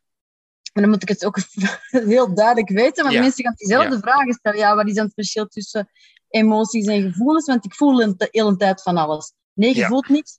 Je denkt de hele tijd van alles. Ja, eigenlijk. Inderdaad. Maar weet je, Annick, praktisch gezien maak ik eigenlijk geen onderscheid tussen, tussen gevoelen en emotie. Ja? Je zou kunnen zeggen, emotie is een meer abstract begrip. Dat wat we voelen, ja, dat voelen we ook. Hè? Dat is een waarneming in onszelf. Hè? Je, je kunt bijvoorbeeld, je, je voelt bijvoorbeeld dat er woede ontstaat in jezelf. Je neemt dat eigenlijk waar. Ja, dat is eigenlijk een waarneming. Hè? Ja? Of schaamte, hè, zo Of schaamte, of, of ja. eh, ja. Schaamte is eigenlijk al een stuk cognitie ook hoor. Het is ook al omdat je denkt dat je niet goed genoeg bent eigenlijk. Hè. Dat is- Ja, maar dat is- wel iets dat je voelt, hè, zo warmte. Ja, ja, je ja, ja, ja, ja, ja, maar wat je voelt is van nee, dat wil ik niet. En je kunt zeggen, die, die emotionele reactie, hè, die, die lichamelijke reactie, dat zou je de emotie kunnen noemen. Wat je voelt is die, die, die kwaadheid, die boosheid. Of, of eigenlijk voel je alleen maar die ja of die nee, inderdaad. Van, van nee, dit is niet. Ja? Mhm. Ja. Ja, ja. En had ik nog een vraag, ik weet niet of ik die nu ineens kan stellen. maar Ik wacht even ja, doe maar. zelf terugzoeken. Zo. Ehm, wat had ik nou geschreven? Het gaat over de verantwoordelijkheid dan ik. Die Ah, zo, ja. voor de ander, weet je nog? Ja. Ja, ja, ja. Dus hè, als, als, als, eh, als ik niet verantwoordelijk kan zijn voor de emoties en de Ja. gevoelens van een ander. Ja, ehm, maar als je nu echt bewust iets zegt waarvan dat je weet dat die ander daar geraakt door gaat worden, ehm, ja, dan ben je toch wel voor een stuk verantwoordelijk. Nee. nee, nee, zelfs dan niet. Je bent verantwoordelijk voor wat je zegt. Hè? Je bent verantwoordelijk voor je bedoeling. Als het je bedoeling is om de ander te kwetsen daarmee, of kwetsen kan niet natuurlijk, hè, maar van hem zich ongemakkelijk te laten voelen, laten we zeggen, ja, dan ben je wel verantwoordelijk voor die bedoeling natuurlijk. Maar dat maakt niet dat de ander verplicht is van zich zo te voelen. Want de ander kan daar ook mee glimlachen. En kan, ik kan zeggen, dat is goed geprobeerd, maar ik ben toch niet gekwetst. Ja? Maar, maar enfin, meestal is dat, soms is dat ook wel zo. Soms, soms is het met de bedoeling van de ander pijn te doen natuurlijk. Hè? Je bent verantwoordelijk voor je bedoeling. Maar het zou ook kunnen, in vele gevallen is het ook zo, dat de ander zich gekwetst verklaart, zich, zich pijnlijk geraakt verklaart of zoiets, omdat dat wat je zegt zo juist is.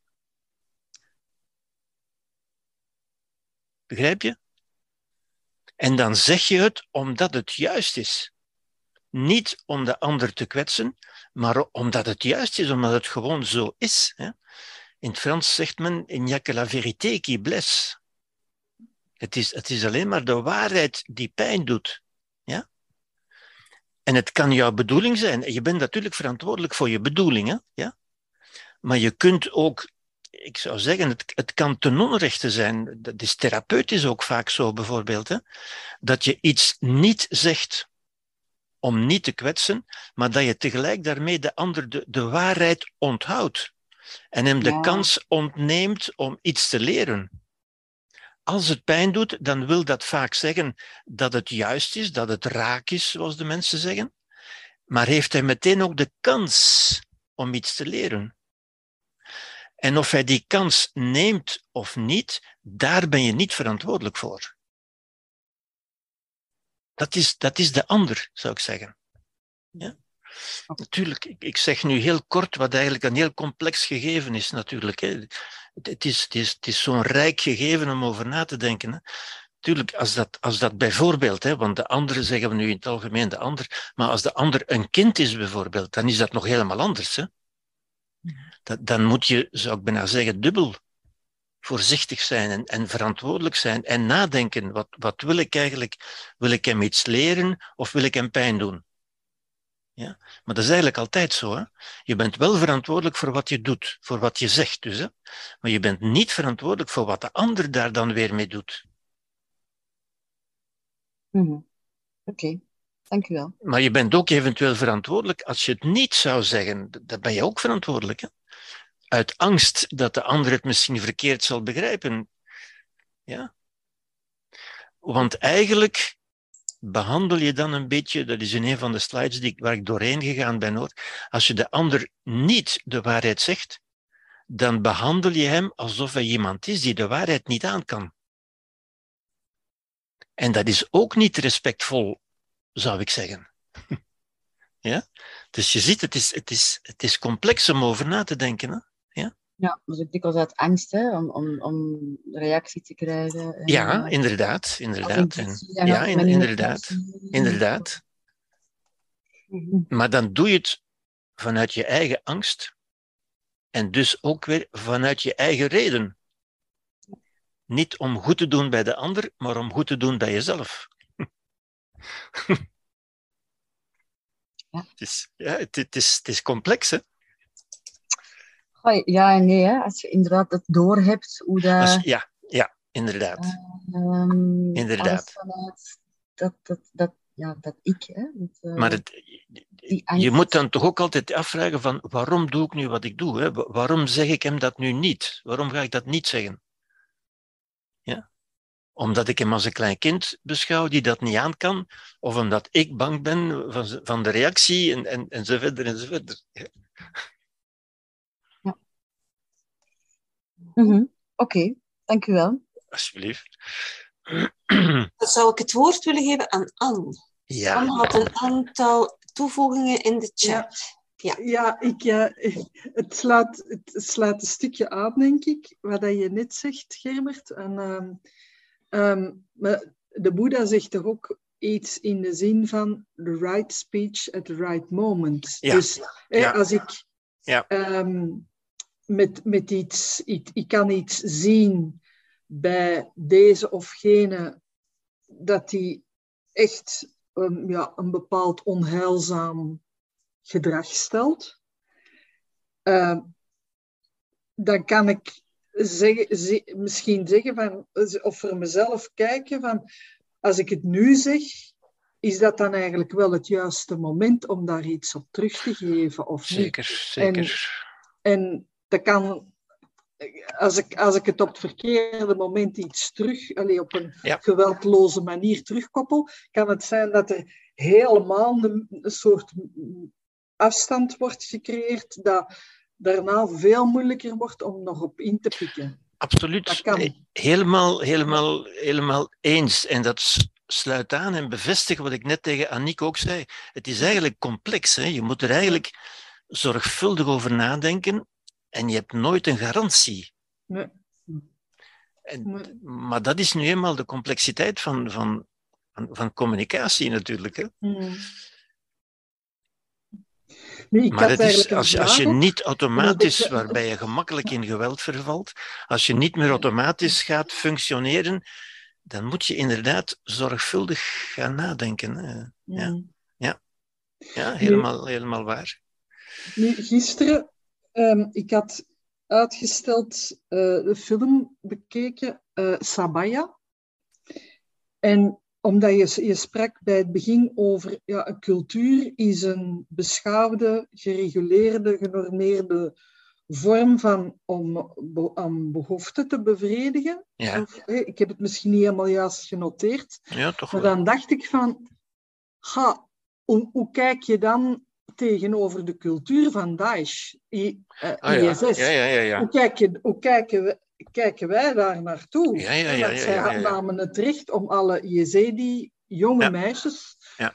zes, zeven, acht jaar, jonge, oude, iets ouder, om die te ontvoeren en te gebruiken als Mhm. slavin en Mhm. ehm, als seksslavin, dan denk ik, ik, ik, heb het, ik merk dan dat ik toch wel helemaal in de verwarring raak. Ik, kan, ik kan die cultuur dan moeilijk een beschaafde cultuur noemen. Ja, Eh, ja. ja. Ik, ik, Ja, ik natuurlijk, ik kom dan in de verwarring. Ik, Ja, natuurlijk. dat er toch wel verwarring Toch is. denk ik dat dat niet zo verwarrend is hoor. Zij noemen ons een barbaarse cultuur, hè, waar, waar vrouwen half naakt lopen om van de straat te geraken en zo verder. Dat is voor hen onbegrijpelijk. Hè? Ja, dat is waar. Ja. Ja. Zij begrijpen niet hoe dat wij zo kunnen leven. Hè? En wij begrijpen niet. Maar daarom, ja, daarom dat, dat is het narratief. Hè? Zelfde verlangens, Ja. ander narratief, andere, andere eh, eh, ja, netwerken. aan een netwerk. Ja. ja, ander netwerk. Het, het narratief komt natuurlijk door het netwerk. Het netwerk ondersteunt het narratief. Maar die behoeften zijn, zijn dezelfde. Zelfs daar, hè? Ja. ja. En dan moeten we gewoon zien. Enfin, ja, vraag u af, als, als u of als ik in die cultuur geboren zou zijn, heb ik dan een garantie dat ik zoveel anders zou zijn? Nee, ik zou misschien ook iemand gebruiken als slaaf. En, en- Ja, ja. bijvoorbeeld de slavernij is inderdaad ook zoiets. Hè? Slavernij en, en heksenverbrandingen en, en, en martelingen en zo verder, die in de middeleeuwen courant waren, ja? Hmm. die we nu niet meer begrijpen, om, omdat er toch, ik heb, ik heb het ook net nog op, op Facebook gezet, omdat er toch, ondanks alles, een, een morele vooruitgang is. Mhm. We, we, we nemen dingen, we aanvaarden dingen nu niet meer die, die, die ooit wij, ook in onze streken, heksenverbrandingen en zo, en normaal werden bevonden. Mhm. Genitale verminking van vrouwen bijvoorbeeld, wat, wat, wij, wat wij afschuwelijk vinden natuurlijk. Hè. Maar voor hen is dat normaal. Mhm. En van jongens. Genitale verminking van jongens. Ja, ja, ook, inderdaad, ja. Herbert, maar ik vond in u, eh, met Heidi hier. Ja, Heidi. Hallo, goedenavond. Ehm, wat mij trof daar net als jij de, de soort van definitie gaf, ehm, was ik ook aan Hitler aan het denken, want die denken waarschijnlijk, of die dacht ook waarschijnlijk dat hem geweldig goede dingen deed. Maar het trof mij dat jij zei dat het gaat over respect voor iedereen. Ja, Ook in Ja. dit verhaal van IS, die respecteren de vrouwen niet. absoluut. absoluut. Hitler respecteerde de Joden Ja, inderdaad. Inderdaad. En daar zit, het, daar zit die angel dat jij zegt. Tuurlijk. Ja, natuurlijk. Zeker, zeker. En dat is omdat wij allemaal in, een- in een beperkt narratief denken natuurlijk. Hè. Als, je, als je ziet wat wij in Congo hebben aangericht, waar, waar Filip nu naartoe is, Mhm. dan moeten we toch zeggen, ja, wij kunnen hen wel barbaars noemen, maar zijn wij wel zo vrij van zonden uiteindelijk? Hè? Ja. En dat is niet zo lang geleden, hè? Nee. Ja. En toen vonden we dat normaal. We vinden het normaal dat dat Ukkel vol, vol, vol paleizen staat met, met rijkdom die uit Congo geroofd is. Ja? Ja, Ik vind in dit geval dan ook dat het ehm, misschien zou getuigen van volwassen gedrag. Oké, het is gebeurd, maar nu geven we rijkdom terug aan Congo. ja, ja maar dat kunnen we gewoon nooit teruggeven. Hè. En, en de, mensen Nee. die, die mensen die gedood zijn, dat, dat komt nooit meer terug natuurlijk. Hè. Nee. Maar je, je vraag is terecht hoor, maar daarom denk ik ook dat we, dat we nog gezamenlijk nog niet redelijk genoeg zijn. Hè. Mhm. Je hebt gelijk natuurlijk. Hè. Je kunt niet zeggen dat Daesh of, of ISIS dat dat, dat, dat een, een heel hoogstaande cultuur is. Ja? Ik, ik denk een beetje dat die, de verlichting, dat die een verlichting nog moeten doormaken. Maar goed, ook, ook dat is maar een idee van mij. Hè. Maar je hebt helemaal gelijk. De redelijkheid zou zijn respect voor iedereen. Mhm. Maar dat hebben wij op dit moment ook niet hoor. Wat laten we niet allemaal gebeuren in de wereld en zo. Ja. ja. Maar je hebt gelijk. En, en daarom zijn we, zijn we op weg. We zijn nog lang niet aan geweldloosheid toe. Maar ons geweld vinden we, vinden we normaal. Hmm. Ehm, ja, Anne, wil je nog iets daaraan toevoegen? Heidi, je kan blijven of inhaken. En dan is ook Angelique. Is het oké, okay, Heidi, als antwoord? Ja, ja. ja ik vond... Uh, het is moeilijk te begrijpen allemaal ook, hè, wat er gebeurt. En, maar bijvoorbeeld die van IS, zoeken die dan liefde gedwongen op een of andere manier? Of een, een, waar, welke behoeften zouden zij op die manier kunnen Dus de behoefte aan macht, de behoefte aan, aan uitroeien wie niet is zoals jij. Hè? Behoefte aan macht. Hè? Die, je bij, die je bij dieren ook ziet natuurlijk. Hè? Dat begrijp ik niet zo goed. Een behoefte aan macht? Behoefte aan macht, natuurlijk, ja. Alle leven is macht. Hè. Leven is, is je wil opleggen aan de omgeving. Dat, dat proberen we allemaal te doen. Dat is ook wat de cultuur doet. Hè. Zichzelf als, als, als een ideaal model voorstellen. En geweldloos, respectloos, onderdrukken wie, niet zo, wie het daar niet mee eens is. Dat is wat onze kruisvaarders ook deden. Hè. Dus uiteindelijk wat wij in Congo ook hebben gedaan. Wat hebben wij in Congo gedaan? Ons, ons, onze macht getoond. Hè? Maar hoe past dat dan in de piramide van Maslow? Ja, maar dat hoort bij het leven. Leven is je macht opleggen aan de omgeving. Pakken wat je kunt pakken en, en afstoten wat je niet, wat je niet nodig hebt. Dat is, de, dat, is de primaire, dat is het primaire gedrag van het leven. Dat, dat doen alle dieren. Komt dat ook niet bij de piramide van Maslow, bij de affiliatie, die macht? Dacht ik.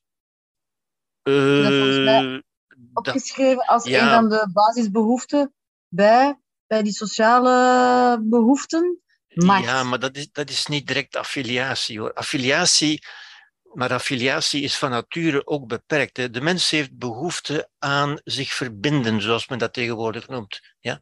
Dat we zeggen aan samenwerking, aan aanvaard worden en zo verder. Ja? Maar het is een natuurlijk, een natuurlijk uh, verschijnsel, zou ik zeggen. Ja? Dat je bij dieren ook ziet. Dieren zijn van nature. Wij zijn ook van nature empathisch voor mensen die ons dichtbij zijn. Dat is ook gemakkelijk. Naar onze kinderen, onze familie, onze vrienden, daar zijn wij heel lief tegen. Ja? Maar wij voelen ons veel minder lief naar mensen die anders zijn. En dat is een natuurlijke uh, fenomeen in ons, zou je kunnen zeggen. Ja? Wat, wat macht is uiteindelijk. Ja? Die, die uitbreiding van territorium het, het inpikken van voedsel, het pikken van voedsel van de ander, het, het pikken van partners van de andere. Ja. Dat zijn fenomenen van het leven. Hè. Dat is primair levenswil. Ja. Waar we alleen door redelijkheid, door daarover na te denken, van, van zeggen, zo, zoals wij slaven hebben gehad, hè, van die slaven hebben we toch het leven ingepikt. We hebben die toch onderhorig gemaakt aan ons. Jullie gaan doen wat wij zeggen. Dat is toch macht? Ja, want in Adler. dat, dat, dat, dat, was, eh, dat was iets wat ik erbij had geschreven. Alfred Adler, ja. Ja, over die, die affiliatiebehoeften. Uh, dan, uh, Adler heeft het meer over macht hoor. Ja. Adler noemt als een, als een als het macht. Uh, wat wij zien als concurrentie bijvoorbeeld. Ja? Het even goed willen zijn als de ander. Dat je, dat je eigenlijk bij baby's al ziet. Hè? Ja? Dat je ook bij dieren, bij, bij vogeltjes in het nest ziet bijvoorbeeld. Hè? Even goed willen zijn als de ander. Dat is een vorm van macht. Hè? Je wil je macht uitoefenen. En wie dat tegengaat, daar, daar, daar richten we ons tegen. Die willen we vernietigen uiteindelijk. Die willen we het zwijgen opleggen of onderhorig maken. En dat is macht. Hè?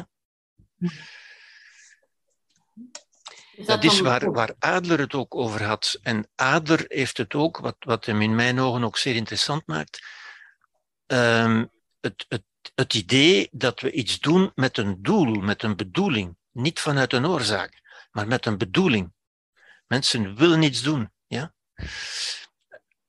het voorbeeld dat ik altijd geef, een, een, klein kind dat aan de kassa van de, van de GB zijn bonbon niet krijgt en zich op de grond werpt en krijst, gebruikt de macht die het heeft om de anderen ondergeschikt te maken aan zijn wil, om de anderen aan te zetten te doen zodanig dat hij krijgt wat hij wil. En dat is macht.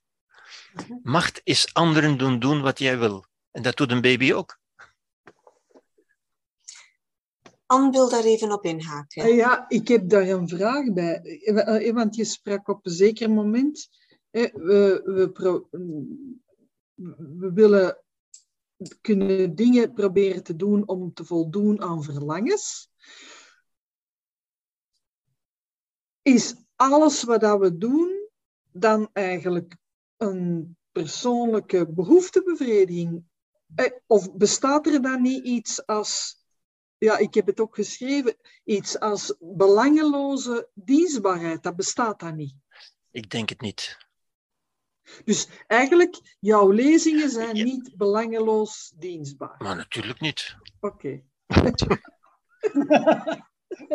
Ja, maar enfin, je kunt dat zo. Ik, ik, weet, ik weet dat mensen zeggen dat zo belangeloos en je opofferen en je Ja, wegcijferen ja. en zo. Maar als je dan vraagt, waarom doe je dat eigenlijk? Waarom cijfer je je weg? Waarom ik, offer je ik op? niet over wegcijferen, hè. Nee, ik, Nee, nee, ik maar denk- enfin, belangeloos dan. Hè? Waarom doe je iets belangeloos? Waarom doe je dat? Ja, je, moet er toch niet altijd iets voor terugkrijgen of zo. Dat zeg ik Dat niet, maar antwoord is Nee. op de vraag: waarom doe je het dan? Want er Eh, staat niemand met een pistool tegen je hoofd, hè? Nee, Dus je doet het uit vrije keuze. ja. Waarom?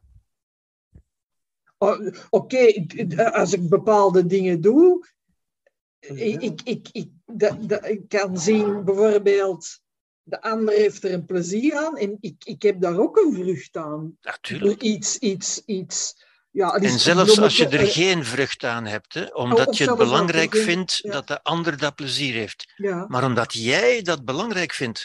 ja, oké. En dat belangrijk vinden, dat is toch je eigen reden. Ja, ja oké. En ultiem met het doel van, ik ga me er beter bij voelen. Want als je doet wat je belangrijk vindt, als je doet wat je goed vindt, het goede doen, Ja. dat is toch een, dat is toch een vreugde. Dan Nou voel ja, je je toch goed. vreugde, Ja, uiteraard. Maar ja. uiteraard. Ja, Maar dat is dus niet belangeloos. Nee. ik denk het niet. Ja, oké. Mhm. Een vraag. Lieve, ja. Is, is, is dat dat wat Lacan bedoelt? eh, le don n'existe pas. Ik denk het wel. Ja, hè? Ik denk het wel, ja. ja.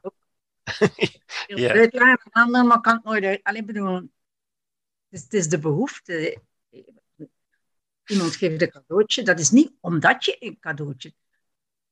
Je, het is leuk een cadeautje te geven. Maar, dat is. maar ja, als je erover nadenkt, van gelijk wat je doet, waarom doe je dat? Zelfs als je voor je kinderen zorgt, waarom doe je dat? Mhm. Toch omdat je wil een goede moeder zijn of een goede vader zijn. En waarom wil je dat? Ja, omdat dat goed voelt. Mhm. Ja, ja, of, of je wil dat je kinderen eh, op een volwassen, verantwoordelijke Ja. manier in het leven staan. Ja, en dat natuurlijk. gaat verder dan, dan ik. Want dat, Ja Dat maar, gaat- ja, maar waarom wil je dat? Natuurlijk wil je dat, dat begrijp ik wel. Hè? En je kunt blijven doorgaan. Ja, maar ik wil dat ze een baan hebben en ik wil dat ze dit en dat ze dat. Maar waarom wil je dat? Waarom is dat voor jou belangrijk om dat te willen? ja, ik zeg het net, ik, omdat ik het belangrijk vind dat zij als jong, allee, Ja, jonge ja, ja, mensen oké, oké. De rest, de, rest, de rest hoeft niet meer. Maar omdat Ja. jij het belangrijk vindt. Ja, ja, dat is waar. Dat is Dus waar. vanuit je eigen reden. Omdat jij dat belangrijk vindt. Mhm. Ja, ik weet het. Dat is een van de vele delicate punten natuurlijk in, in dat hele verhaal. Maar ik, ik denk dat het, dat het onontkoombaar is. Het, probleem is, hè, je, je probeert dat tegen te spreken omdat wij zijn gaan geloven dat dat dus niet goed is. Want als je het voor jezelf doet, dan is dat niet goed. In, in ons geloof. Dat is ons narratief. Je, je moet dat zogezegd belangeloos doen. Je moet jezelf, ja, dat is ons narratief. En dus maken we onszelf wijs. Ja, maar nee, ik doe dat niet voor mij. Ik doe dat alleen louter voor de ander. Maar dat is ons narratief juist. Ja? Mhm. Want iets doen vanuit je eigen redenen, dat, daar staat een taboewoord op. Hè. Ik, ik wil het niet eens gebruiken, want het is een scheldwoord geworden. Ja? Iets wat je zeker niet mag zijn, wat wij zeker niet mogen zijn. Ja? Wat is het woord? Wil iemand het uitspreken? Dat noemen we egoïst. Juist, juist, juist. Ja, inderdaad. Maar wie wil nu egoïst genoemd worden? Of wie wil zichzelf? Dat is, dat is een taboewoord. Dat, dat mag niet. Dus je moet. Nee, nee, ik doe dat niet voor mij. Het moet belangeloos zijn. Maar ik denk, als je erover nadenkt. Mhm. Maar ik denk dat je er moet bijdenken. Dat is ook oké. Het is oké dat jij iets doet dat goed is voor jezelf, als tegelijk iemand anders daar ook beter van wordt. En ik geloof dat dat ook echt de, de echte oplossing is. Ik denk, als je het goede doet, dan is dat zowel het goede voor jezelf als voor de ander. Zoals men zegt, als je, als je het licht aansteekt, dan heeft zowel jezelf als de ander licht. En dus ik vind dat een valse vraag. Doe je dat voor jezelf of voor de ander? Je doet dat niet voor jezelf en niet voor de Je doet dat omdat het het goede is. Zowel voor jezelf als voor de ander. Dat vind ik eigenlijk het enige goede antwoord uit die dichotomie van. Want je komt daar nooit uit. Doe ik dat nu voor mezelf of voor de ander? Je komt daar nooit uit. Ja? Ik denk je moet zeggen, ik doe dat omdat het goed is. En waarom is dat goed? Wel, het is goed om voor je kinderen te zorgen. Dat is het goede gewoon. Mhm. Want dat gaat in de richting van het leven.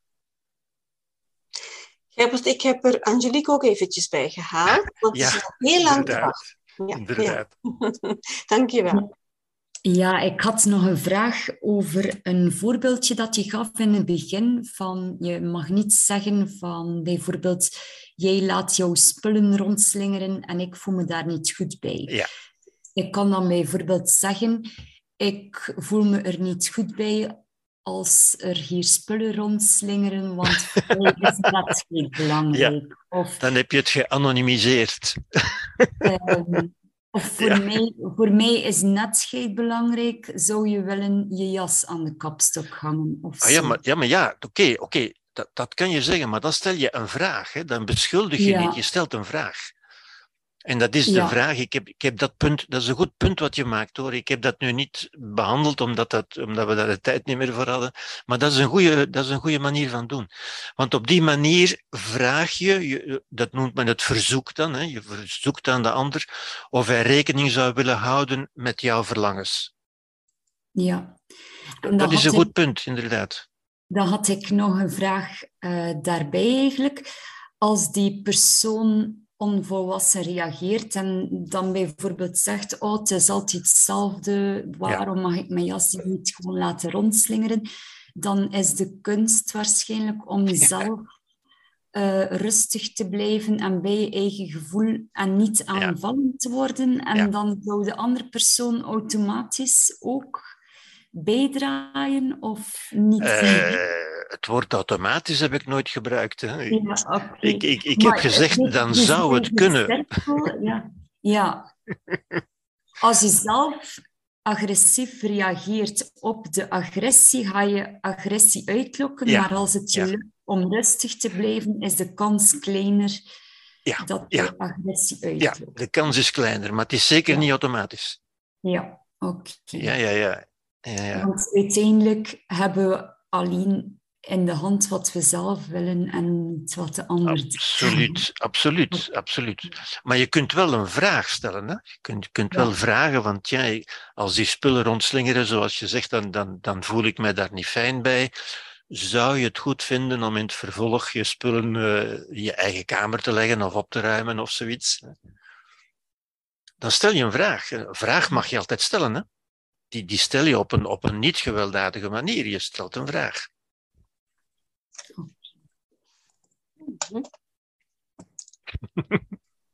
Oké. Goed. Nog een laatste momentje misschien, voor als er toch nog bedenkingen zijn, want we gaan langzaam naar tien uur.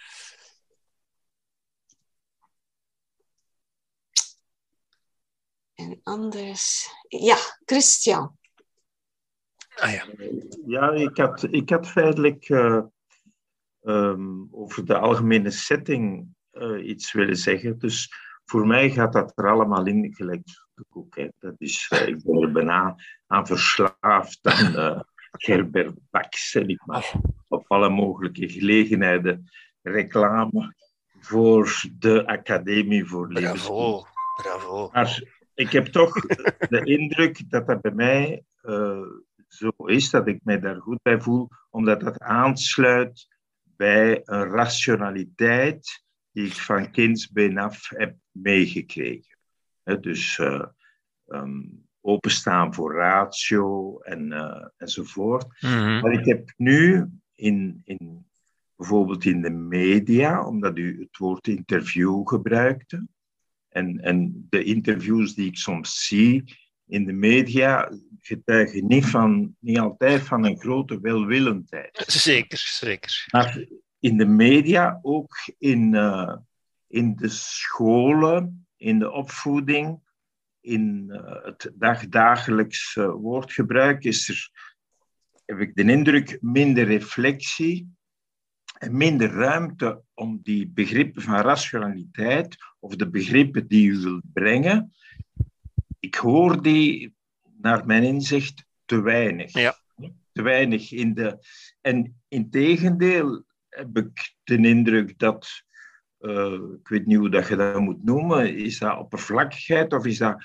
Maar dat dat meer en meer uh, zich toch Ja. ontwikkelt. Hè? Met ook het feit dat die dat die uh, media of dat die communicatie of Facebook enzovoort, dat dat allemaal instant Mhm, gaat. Er is Mhm. vroeger schreven mensen brieven mhm. en dachten daarover na, was er reflectie en kon je een gevoel, ik schreef dan een brief aan de minister omdat ik weer een boete had gekregen en dat was zeer emotioneel enzovoort. Maar ik liet hem altijd liggen, ik verstuurde hem niet direct en s'andere dags dan las ik dat opnieuw en dan dacht ik, ja, Ja. dat is er toch een Ja. beetje over. Ja. Ik ga dat proberen anders te formuleren. Ja. Zie je, maar het is het, de algemene trend, Ja. heb ik de indruk dat rationaliteit niet meer op de eerste of, of een of minder Zeker. belangrijke plaats heeft gekregen. Zeker. Ik ben het er helemaal mee eens.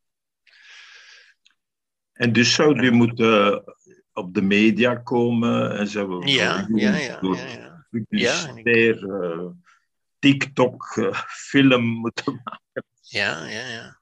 Ik ben het er helemaal mee eens. Zeer waardevolle en essentiële dingen die bijdragen tot de levenskunst. Ja, hè. Absoluut. Als je dat niet hebt, vind ik het echt Absoluut. een beetje gehandicapt. Maar moraliteit berust op redelijkheid. Hè? Niet, niet op emotie natuurlijk, hè? maar op Ja. redelijkheid. Hè? Ja. Zoals democratie op redelijkheid berust. Hè? En dat is altijd moeilijk, hè? zoals hier uit, uit de vragen ook blijkt. Hè? Uit de vraag met, met eh, een aantal mensen ook. Hè? Je moet, dat, is, dat is afwegen. Politiek is ook afwegen. Hè? Het is niet wit-zwart van dit is goed en dat is niet goed. Het is, het is meestal van dat zijn die waarden, dat is goed om die reden en dat is goed om die reden. Waar ga ik nu de voorkeur aan geven? Hè? Zoals ik dat straks in het gesprek met iemand ook zei. Hè? Ook in therapie is dat zo bijvoorbeeld. Hè? Van wat, wat ga ik hier nu? Ja? Dat is niet van wit-zwart, dat is goed en dat is slecht. Zo, dat is niet moeilijk. Dat zijn, dat zijn de gemakkelijke gevallen. De, de moeilijke gevallen zijn waar de, waar de twee te verdedigen zijn, waar de twee waarden vertegenwoordigen. Eh, Wat ga ik nu doen? Ja? En daarom is het, is het denken daarover, de redelijkheid dus ook, ook nooit geëindigd. Mhm. Maar u hebt helemaal gelijk. eh, We leven ja, in, in een, in een, in een emo-cultuur van, van onmiddellijkheid en van, ja, en niet van reflectie en doordachtheid. Eh, Ja. Dat is ook, dat is ook de, de jongere cultuur natuurlijk. Hè. En, en, het, en het jeunisme. Hè. De bedoeling van het leven is natuurlijk om tot een volwassen leven te komen, maar iedereen wil jong blijven. En, spontaan en, en zo. eh, ja, en, en, en, en je hart volgen en dat soort dingen. eh, ja. Maar dat is niet waar het leven over gaat. Hè?